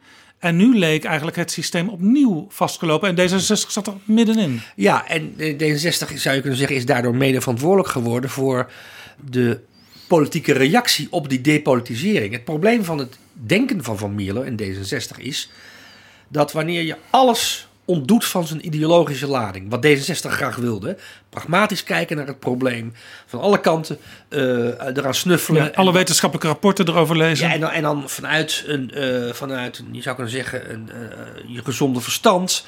En vanuit het idee van hoe je je samenleving globaal ingericht zou willen zien. Maar los van ideologische vooringenomenheid naar, naar, naar, naar besluiten werken. Hè, die ook goed geformuleerd zijn, die besluiten. Zodat het proces naar het besluit zelf al onderdeel is van het besluit. Dus de vorm en de inhoud die komen samen. Dat zie je heel goed, vind ik, in die, in die euthanasiewetgeving. Dat vorm en inhoud daarin samenkomen. Ehm, maar de keerzijde daarvan is dus dat er, dat er nergens meer politieke strijd over is. Omdat alles ehm, ja, pragmatisch kan en worden toen opgelost. kon voor velen onverwacht, zeker de mensen die toen daar bij Paars betrokken waren, eh, Pim Fortuyn zijn slag slaan. Ja, en ze, nou, ze zagen het in, binnen Paars wel. De, de, de toenmalige minister van Binnenlandse Zaken, Bram eh, Peper. Bram Peper, die heeft toen nog een keer een grote notitie geschreven voor een benen op tafel sessie van het kabinet. Want ze hadden wel door. We, eh, we, we, we missen, we missen de aansluiting. We, we, hebben, we zijn niet opwindend meer. We passen op de winkel, zoals jij het zei. En toen heeft Bram Peper daar een, een, een notitie over geschreven. Die eigenlijk alleen maar bevestigde dat de depolitisering van de samenleving eh, onafwendbaar voortschrijden. En zou blijven schrijden. En dat is eigenlijk nooit opgepakt. Nee, en de tragiek was, Van Mierlo zelf die vond Pim Fortuyn eigenlijk helemaal niks. Maar Pim Fortuyn zelf zei, ik voel mij een erfgenaam van die jongen van Ja, Mierlo. dat, ja en dat, daar heeft Pim Fortuyn op een aantal punten ook een beetje gelijk in. Pim Fortuyn kwam ook uit het niets. Niet, niet helemaal waar, want hij schreef, eh, hij schreef zich blauw. Elke, elke week een stukje in Elsevier en boeken bij de, bij de Vleet. Dat deed Van Mierlo allemaal niet. Eh, hij, maar hij daagde het wel het, het, establishment uit. Hij, eh, eh, hij opereerde eh, vanuit het principe dat de persoon belangrijker is dan de partij. Eh, hij eh kaartte ook staatkundige hervormingen aan. Staatkundige hervormingen eh, die Van Mierlo helemaal niet zo ontzettend belangrijk vond, zoals het referendum, maar toch. Eh, dus de- die overeenkomst was er wel. Maar Van Mierlo was natuurlijk cultureel gezien echt zo totaal anders dan, eh, dan Pim Fortuyn. Maar hij was niet de enige die Pim Fortuyn niet begreep, want de anderen begrepen het eigenlijk ook niet. ter verdediging van het Tweede Paarse kabinet kun je zeggen: waarom zou je ook je bemoeien met de politieke vragen die Pim Fortuyn opwierp wanneer eh, de bomen tot in de hemel groeiden? Ja. De economie ging als een tierenlier eind jaren 90 van de vorige eeuw, begin, begin deze eeuw. Het komt niet op. Ehm, Kok heeft, dat was toch, Kok was echt een zuinige man, hè, geen, geen feestneus. Hè, die een keer eh, in, het, in, in de Tweede Kamer zei bij een eh, algemene beschouwing: laten we de weven doen. Hè? Zo, we, zijn, we, zijn, we zijn allemaal één en, Ja. en geld speelt geen rol, eh, heer Bommel. Dat was een beetje de sfeer. En het idee bestond toen in Nederland, en het bestaat nog steeds voor een deel in Nederland, dat als je de mensen materieel bevredigt, de kiezers, dat je dan geen politieke problemen hebt. Eh, dat, dat idee bestond natuurlijk toen zeker in Nederland. En het idee dat er sociaal-culturele vraagstukken zijn die voor de kiezers belangrijker worden eh, dan de materiële Ja, herverdelingsvraagstukken. zoals misschien ook de, de omgang met eh, immigranten. Dat is daar bij uitstek het voorbeeld van. Omgang met immigranten. Kijk, je, je kan ook zeggen, ze begrepen het niet omdat tot 2001 de sociaal-culturele vraagstukken, een, je zou kunnen zeggen, een monopolie waren van links of van progressieven. Ja. Het Nou waren ja, de progressieven die zich bezighielden met mentaliteit. En zelfs eh, Roger van Bokstel, die was in Parks 2 minister van Grote Steden. Die had het idee dat het eigenlijk wel weer steeds beter ging met de integratie. Ja, dat, nou, dat, dat is ook door een parlementaire enquêtecommissie eigenlijk daarna. Ja, onder leiding van de VVD'er Stef Blok. Die, Ja, die, die, constateerde dat Die heeft dat toen ook geconstateerd later. Van, het is nou, deels geslaagd. Het is de deels geslaagd. Maar, maar daar ging het allemaal niet meer om. Het ging om het politieke vraagstuk van de immigratie. Het politieke vraagstuk van de eh, nieuwe godsdiensten. Het politieke vraagstuk van de verkleuring van de Nederlandse samenleving. En dat, eh, dat hadden ze niet door. En je zou kunnen zeggen, daarmee heeft Paars wel de loper uitgelegd voor de nationaal-populistische stroming die met Pim Fortuyn eigenlijk het Nederlandse politieke bestel ondersteboven heeft ge- gekieperd. Zoals Van Mierlo dat in 1967 deed. Ja, ja dat, dat zijn eigenlijk. eh, eh, het kabinet aan Uil, je zou zelfs nog verder in de geschiedenis terug kunnen gaan. Het kabinet aan Uil eh, zorgde ervoor dat de, de christendemocraten aan elkaar toch weer gingen klinken eh, tegenover die Partij van de Arbeid. Ja, Eh, en Paars baarde Pim en wat er daarna nog allemaal kwam. ja dat, is, dat is nou een echte paradox à la Van Mierlo. Eh, de progressieve golf van de jaren 60, 70 heeft geleid tot een, je zou kunnen zeggen, tot een VVD die zich met recht een volkspartij mag noemen. Het kausaal verband, daar kan je over discussiëren, maar het chronologische correlatie is onmiskenbaar. De VVD is groot geworden dankzij de jaren 60 en de jaren 70. Het CDA is tot stand gekomen. Ik zeg niet dat dat alleen maar een, eh, conservatieve partij is, het CDA, maar, de, eh, maar heeft wel die positie, die machtspositie kunnen heroveren dankzij het kabinet Uyl. En het nationaal populisme is tot, is, is, eh, heeft vaste voet aan de grond gekregen in Nederland. Dankzij een paarse coalitie. Die werd aangestuurd, geleid, gestimuleerd door een politieke partij die juist niets van dat populisme moet hebben. Want je kan van D66 zeggen wat je wil, maar niet dat het een populistische partij is. Nee, en dan is het nog extra tragiek als het over eh, Van Mierlo gaat. Dat de populisten eh, tegenwoordig altijd roepen. Ja, D66, de partij van het referendum, heeft het referendum verkwanseld. Ja. En als er nou iemand binnen D66 altijd tegen het referendum is geweest, dan is het Van Mierlo zelf wel. Ja, Van Mierlo, die, eh, maar D66 zelf was ook dubbelzinnig om, om, over het referendum. In Ja. de eerste Het is ook een mythe dat, dat het de, de uitvinder van het referendum op Nederlands grondgebied was. Hè? Eh, dus er stond in het programma in het begin alleen maar er moet onderzoek komen Onder, naar er, moet, er moet onderzoek gedaan worden naar referendum. Dat, dat stond er zo in het programma van als 1967. compromis. Ja, omdat ze het niet eens waren, eh, onderling. Eh, en Van Mierlo zelf heeft in 1974 volgens mij, een jaartal, Tegen een motie gestemd in de Tweede Kamer om een... Om van een, Erik Jurgens. van Erik Jurgens, toen nog voor de PPR, later voor de PvdA, om een, Ja. cons- raadplegend referendum mogelijk te De rest maken. van D66 was voor, Van Mierlo stemde tegen. Misschien is het wel leuk om even te luisteren naar Van Mierlo zelf. Op het moment dat de uitslag binnenkomt van het referendum in 2005 over de Europese grondwet. NOS Journaal. Stemt Nederland voor of tegen de eerste grondwet van Europa? Het zal blijken uit het referendum van vandaag. De stembureaus gingen vanmorgen om half acht open. En duidelijk is in elk geval dat de Europese grondwet leeft onder de Nederlandse kiezers. De opkomst was namelijk hoog. Mocht het een nee worden, en die kans is levensgroot, dan moet de politiek bij zichzelf te raden gaan hoe de kloof met de burger te dichten. Nog 40 seconden, allemaal gespannen eh, gezichten eh, om me heen. Ja, ja. Een atoombom. Daar krijg je zin in. Collega Mingelen telt af. Zes. Verschrikkelijk. Oké. Hier is die dan, de uitslag. Grondwet ja, grondwet nee. Ja. 37. Godverdomme. Sorry.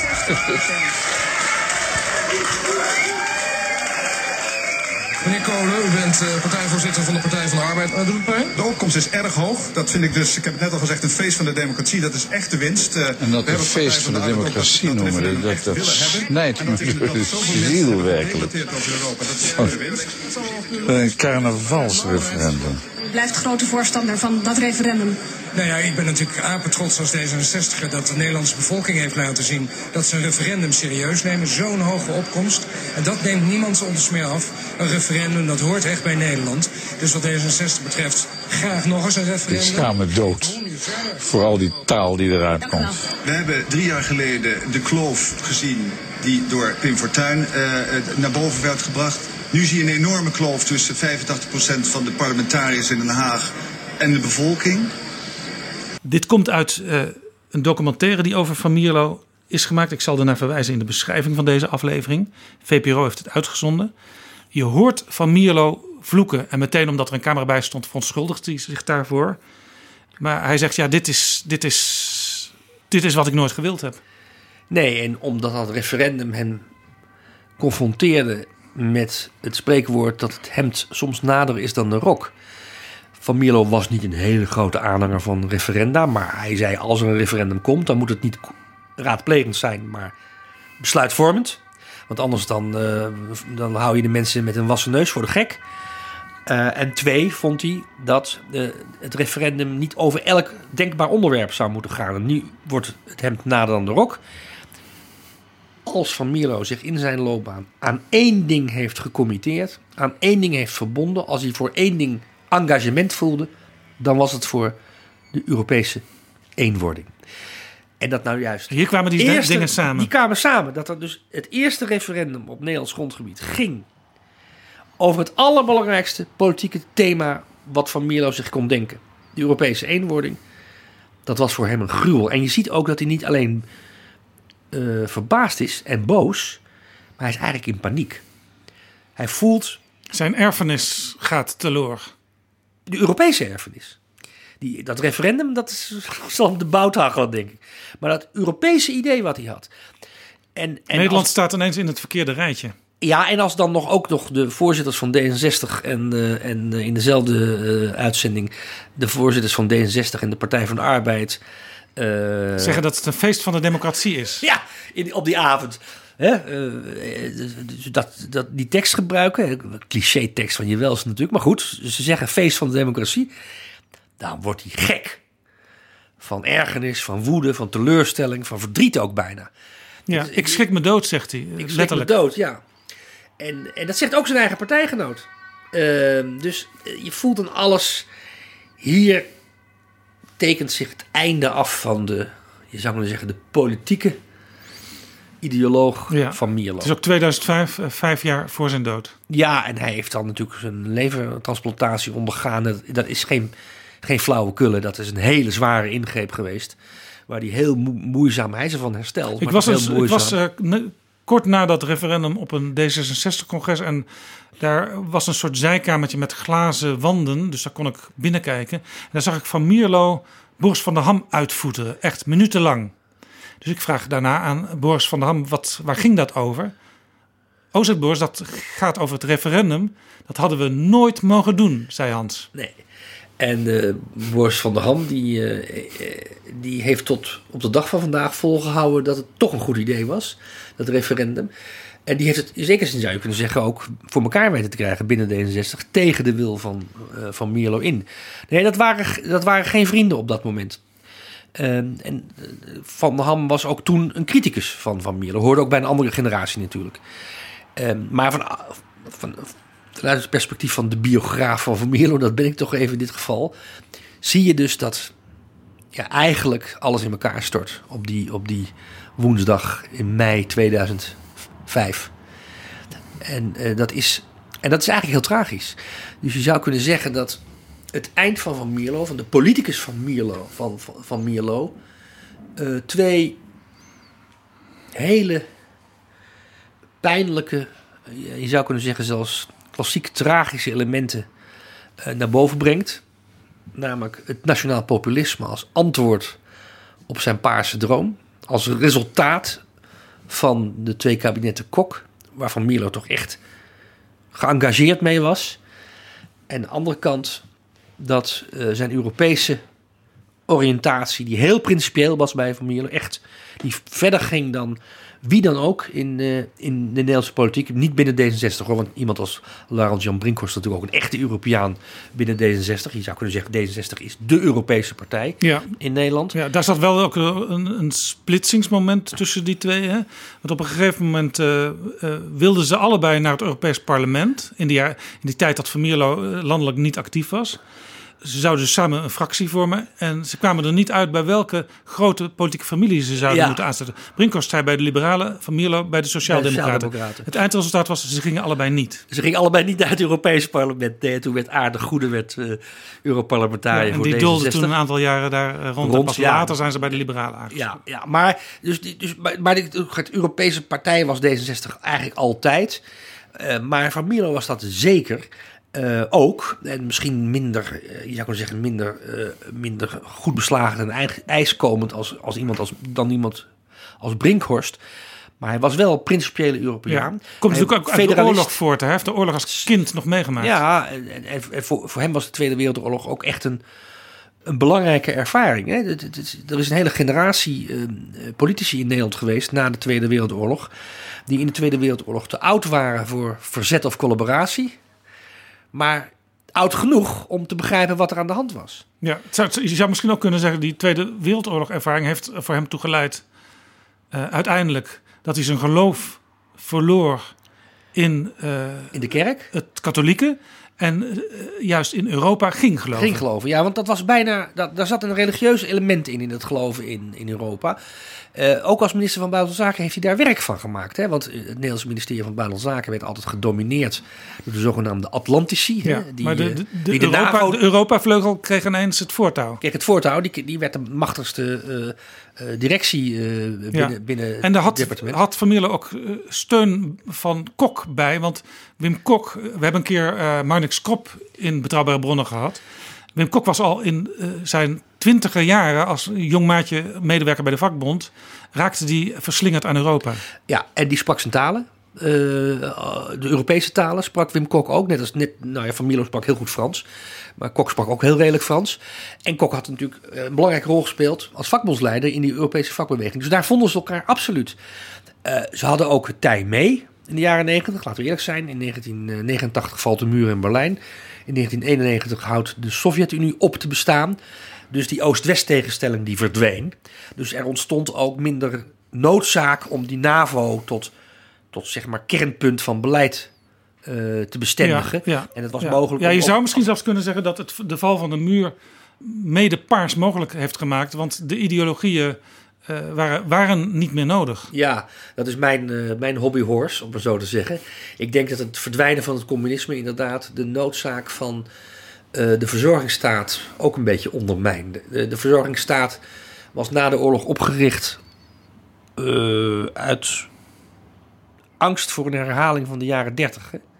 Dat armoede zou kunnen leiden tot radicalisering van burgers. In, Ja. in radicaal linkse Ja. richting, Stalinisme, of in radicaal rechtse richting, en fascisme. nu zie je dat eh, het eigenlijk nog steeds qua welvaart heel goed gaat met de Nederlander. Maar toch zijn op de flanken eh, radicale partijen Ja, opgekomen. omdat we, omdat, we, omdat we in Nederland een, een, een, zeg maar het, het nationale denken als een nieuwe ideologische toetssteen hebben gekregen sinds, sinds 2001. Je zou kunnen zeggen ja. dat Ook de- dus als vrucht van, van waar paars geen oog voor had. Nee, nou ja, de, de, de, de- 2001 is natuurlijk ook het jaar van de Twin Towers. Van de aanslag op, eh, op het Pentagon eh, door de, Al-Qaeda-achtige terroristen. Dus je zou kunnen zeggen dat, dat, dat die periode van het vredesdividend, zoals het heette, na de val van de muur, die heeft alles bij elkaar ruim tien jaar geduurd. Ja, maar was toen weer op. En toen was het op. En, en Paars heeft dat, hij had daar geen antwoord op. Nee. Maar dus niet alleen van Mierlo niet. Hè. Ook Kok had daar geen antwoord op. En eigenlijk op Bolkestein ook niet. Nee. We gaan langzamerhand afronden. No- nog één eh, idee wat ik over Van Mierlo had. Dat is eigenlijk gelogenstraft in het boek. Eh, in het begin van dit gesprek hadden we het al over de bank van Mierlo. Be- belangrijke bank, zei mijn vader altijd tegen mij. Maar op een gegeven moment ging het niet goed met die bank. En eh, ook financieel ging het niet goed met de familie. Op een gegeven moment heeft een oom heeft eigenlijk de hele, eh, het hele financiële beheer in de familie overgenomen. En die bleek op een gegeven moment eh, bij zijn overlijden eh, Van Mierlo onterfd te hebben. Mijn idee was namelijk altijd... Mierlo komt uit een welgestelde familie... en die hoeft zich nooit zorgen te maken om geld. Maar dat, dat was niet zo. Nee, dat is niet zo. Nee, het, is, het, is, het woord onterven gaat iets te ver. Maar eh, de oom van, van Mierlo, de broer van zijn moeder... die kwam uit eh, kringen van de Steenkolen Handelsvereniging. Ja, die waren Rotterdam. eigenlijk nog een nog welgesteldere familie dan de Die waren Van Mierlo's. welgestelder dan, welgestelder dan de familie van Mierlo. En de, eh, na de kracht, de beurskracht op Wall Street in 1929, dan komt de crisis ook in Nederland aan, uiteraard. En, en dan dreigt er in 1931, ehm, terwijl moeder van Mierlo zwanger is van Hans, ehm, dreigt er een, een bankrun op van Mierlo en zonen. En dan wordt die bank ter nauwernood gered. Met geld van een, een oma die van adel is en heel veel onderpand ter beschikking heeft om die bank te redden. Eh, een van de consequenties van het redden van die bank is dat ehm, die oom de zaken moet gaan doen eh, bij de Van Mierlo en Zonen. En dat doet hij heel succesvol. Eh, die Van Mierlo en Zonen gaat fuseren uiteindelijk met de Twentse Bank, die later opgegaan is in de ABN, die nu ABN AMRO heet. Dus we hebben het al over een serieuze bankier, over die oom. Ehm, maar die had geen kinderen. Ja, die had wel een kind, maar dat was een jongetje van dezelfde leeftijd als Van Mierlo, die overleden was eh, als kind. En die had verder, verder daarna geen kinderen meer gekregen. Dus die heeft zijn, eh, zijn eh, erfenis, die vrij groot was, eh, verdeeld al onder zijn neven en nichten. Ja, nadat hij overigens Van Mierlo een keer gepost had of hij in de, de bank, zou willen overnemen. werken. Ja. Ja. maar dat wilde Van Mierlo niet, want Van Mierlo wilde liever toneelspeler worden, wat hij uiteindelijk ook niet gedaan heeft Ja. om zijn ouders niet En- te kwetsen. Ja, en daarna zorgde hij voor een echte teleurstelling in de familie. En dat was eh, zijn val van het geloof. En van, dat, dat was in de, de familie van Mierlo wel inderdaad een serieuze schok, omdat het een zeer dat was bijna zoals zeg maar, bij orthodoxe moslims nu daar het, eh, van het geloof Ja, afvallen maar, nou, ja, wordt. ja, ik denk dat de, de, de, de katholieke kerk in de jaren 50 minder strijdbaar was dan de islam nu. Maar, maar het was wel een, een, een serieuze schok Ja. voor de familie. En, ehm, en, en dus ook voor die oom. Dus toen hij stierf, toen bleek dat in het testament te staan dat ehm, ehm, eh, alle, alle neven en nichten kregen een deel van, eh, van het vermogen. Behalve neef Hans. Dat werd gezet op naam van de oudste zoon van Hans van Ja, Mierlo. want dus er het, speelde- bleef, het bleef wel binnen het Daar speelde ook mee dat, dat eh, Van Mierlo moest, toen hij nog jong was, eh, hij moest, heette dat toen, trouwen. Want Ja. er was een kind op komst. Ja, maar dat huwelijk is eigenlijk nooit nee. eh, serieus huwelijk geweest. Nee, en op zich was dat dan wel weer sociaal rechtvaardig van die oom... dat hij dan het geld ervoor zorgde dat die zoon goed kon opgroeien bij, bij die ex. moeder. Ja.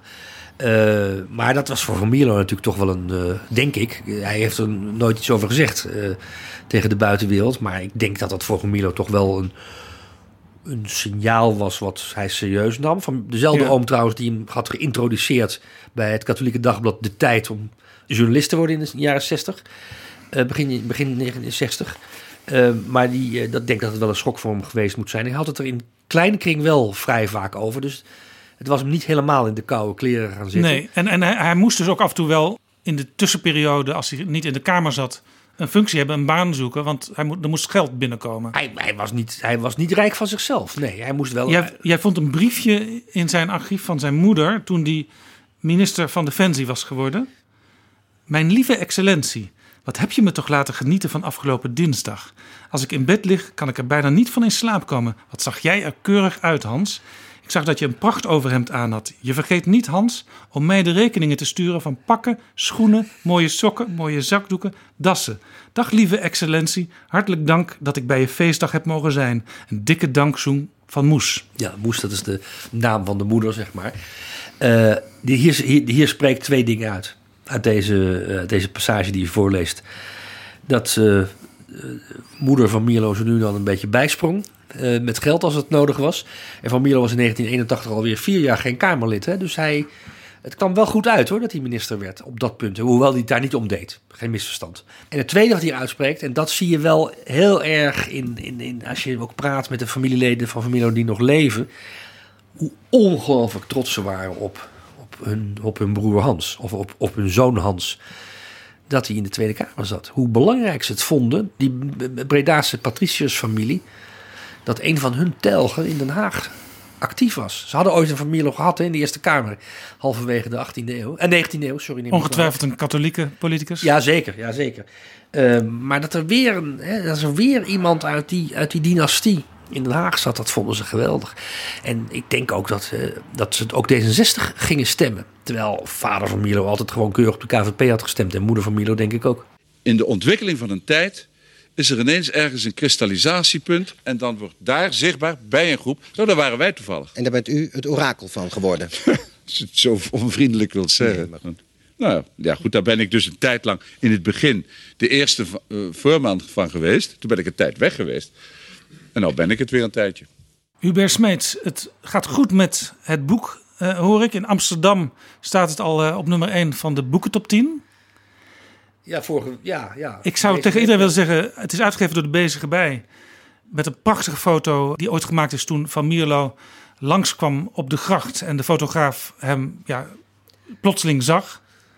Heeft de fotograaf mij wel eens uh, verteld. Ja, het is een straatfotograaf van, van oorsprong. Hè? De, de fotograaf van Thomas Slijper. De, Thomas Slijper, ja. ja. van, de, van, de, van het omslag, ja. Ja, en ook, het is ook Van Mierlo in zijn, in zijn uh, latere jaren. Ja, maar het is ook wel, kijk, ik, ik, heb erover na zitten denken. Het is een wat oudere van Mierlo, maar het hoofd is zoals het eigenlijk altijd was. Ja. Laat ik afsluiten met een citaat van Van Mierlo, wat ik nog nooit gehoord had. Het komt uit een van zijn geschriften die hij in zijn archief hebt gevonden. Het was in de tijd dat hij in het Prinsengracht uh, ziekenhuis lag. Dus ook de tijd dat jij hem voor het eerst ontmoette. Iedereen is krankzinnig, behalve ik, de definitie van krankzinnigheid. Dankjewel voor dit gesprek.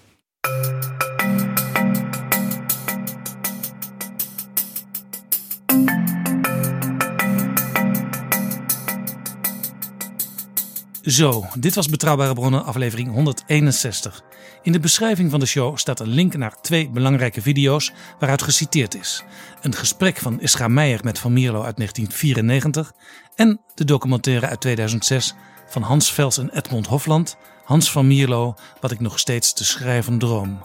Deze aflevering van Betrouwbare Bronnen is mede mogelijk gemaakt door de vrienden van de show, mensen die een bedrag, klein of groot, hebben gedoneerd via de site Vriend van de Show. In dit kader wil ik speciaal welkom heten Jelle, Luc, Helene, Guus, Rick, Marjolein, Floris, Sean en Bart. Dankjewel, tot volgende keer. Betrouwbare bronnen wordt gemaakt door Jaap Jansen in samenwerking met dag en nacht.nl.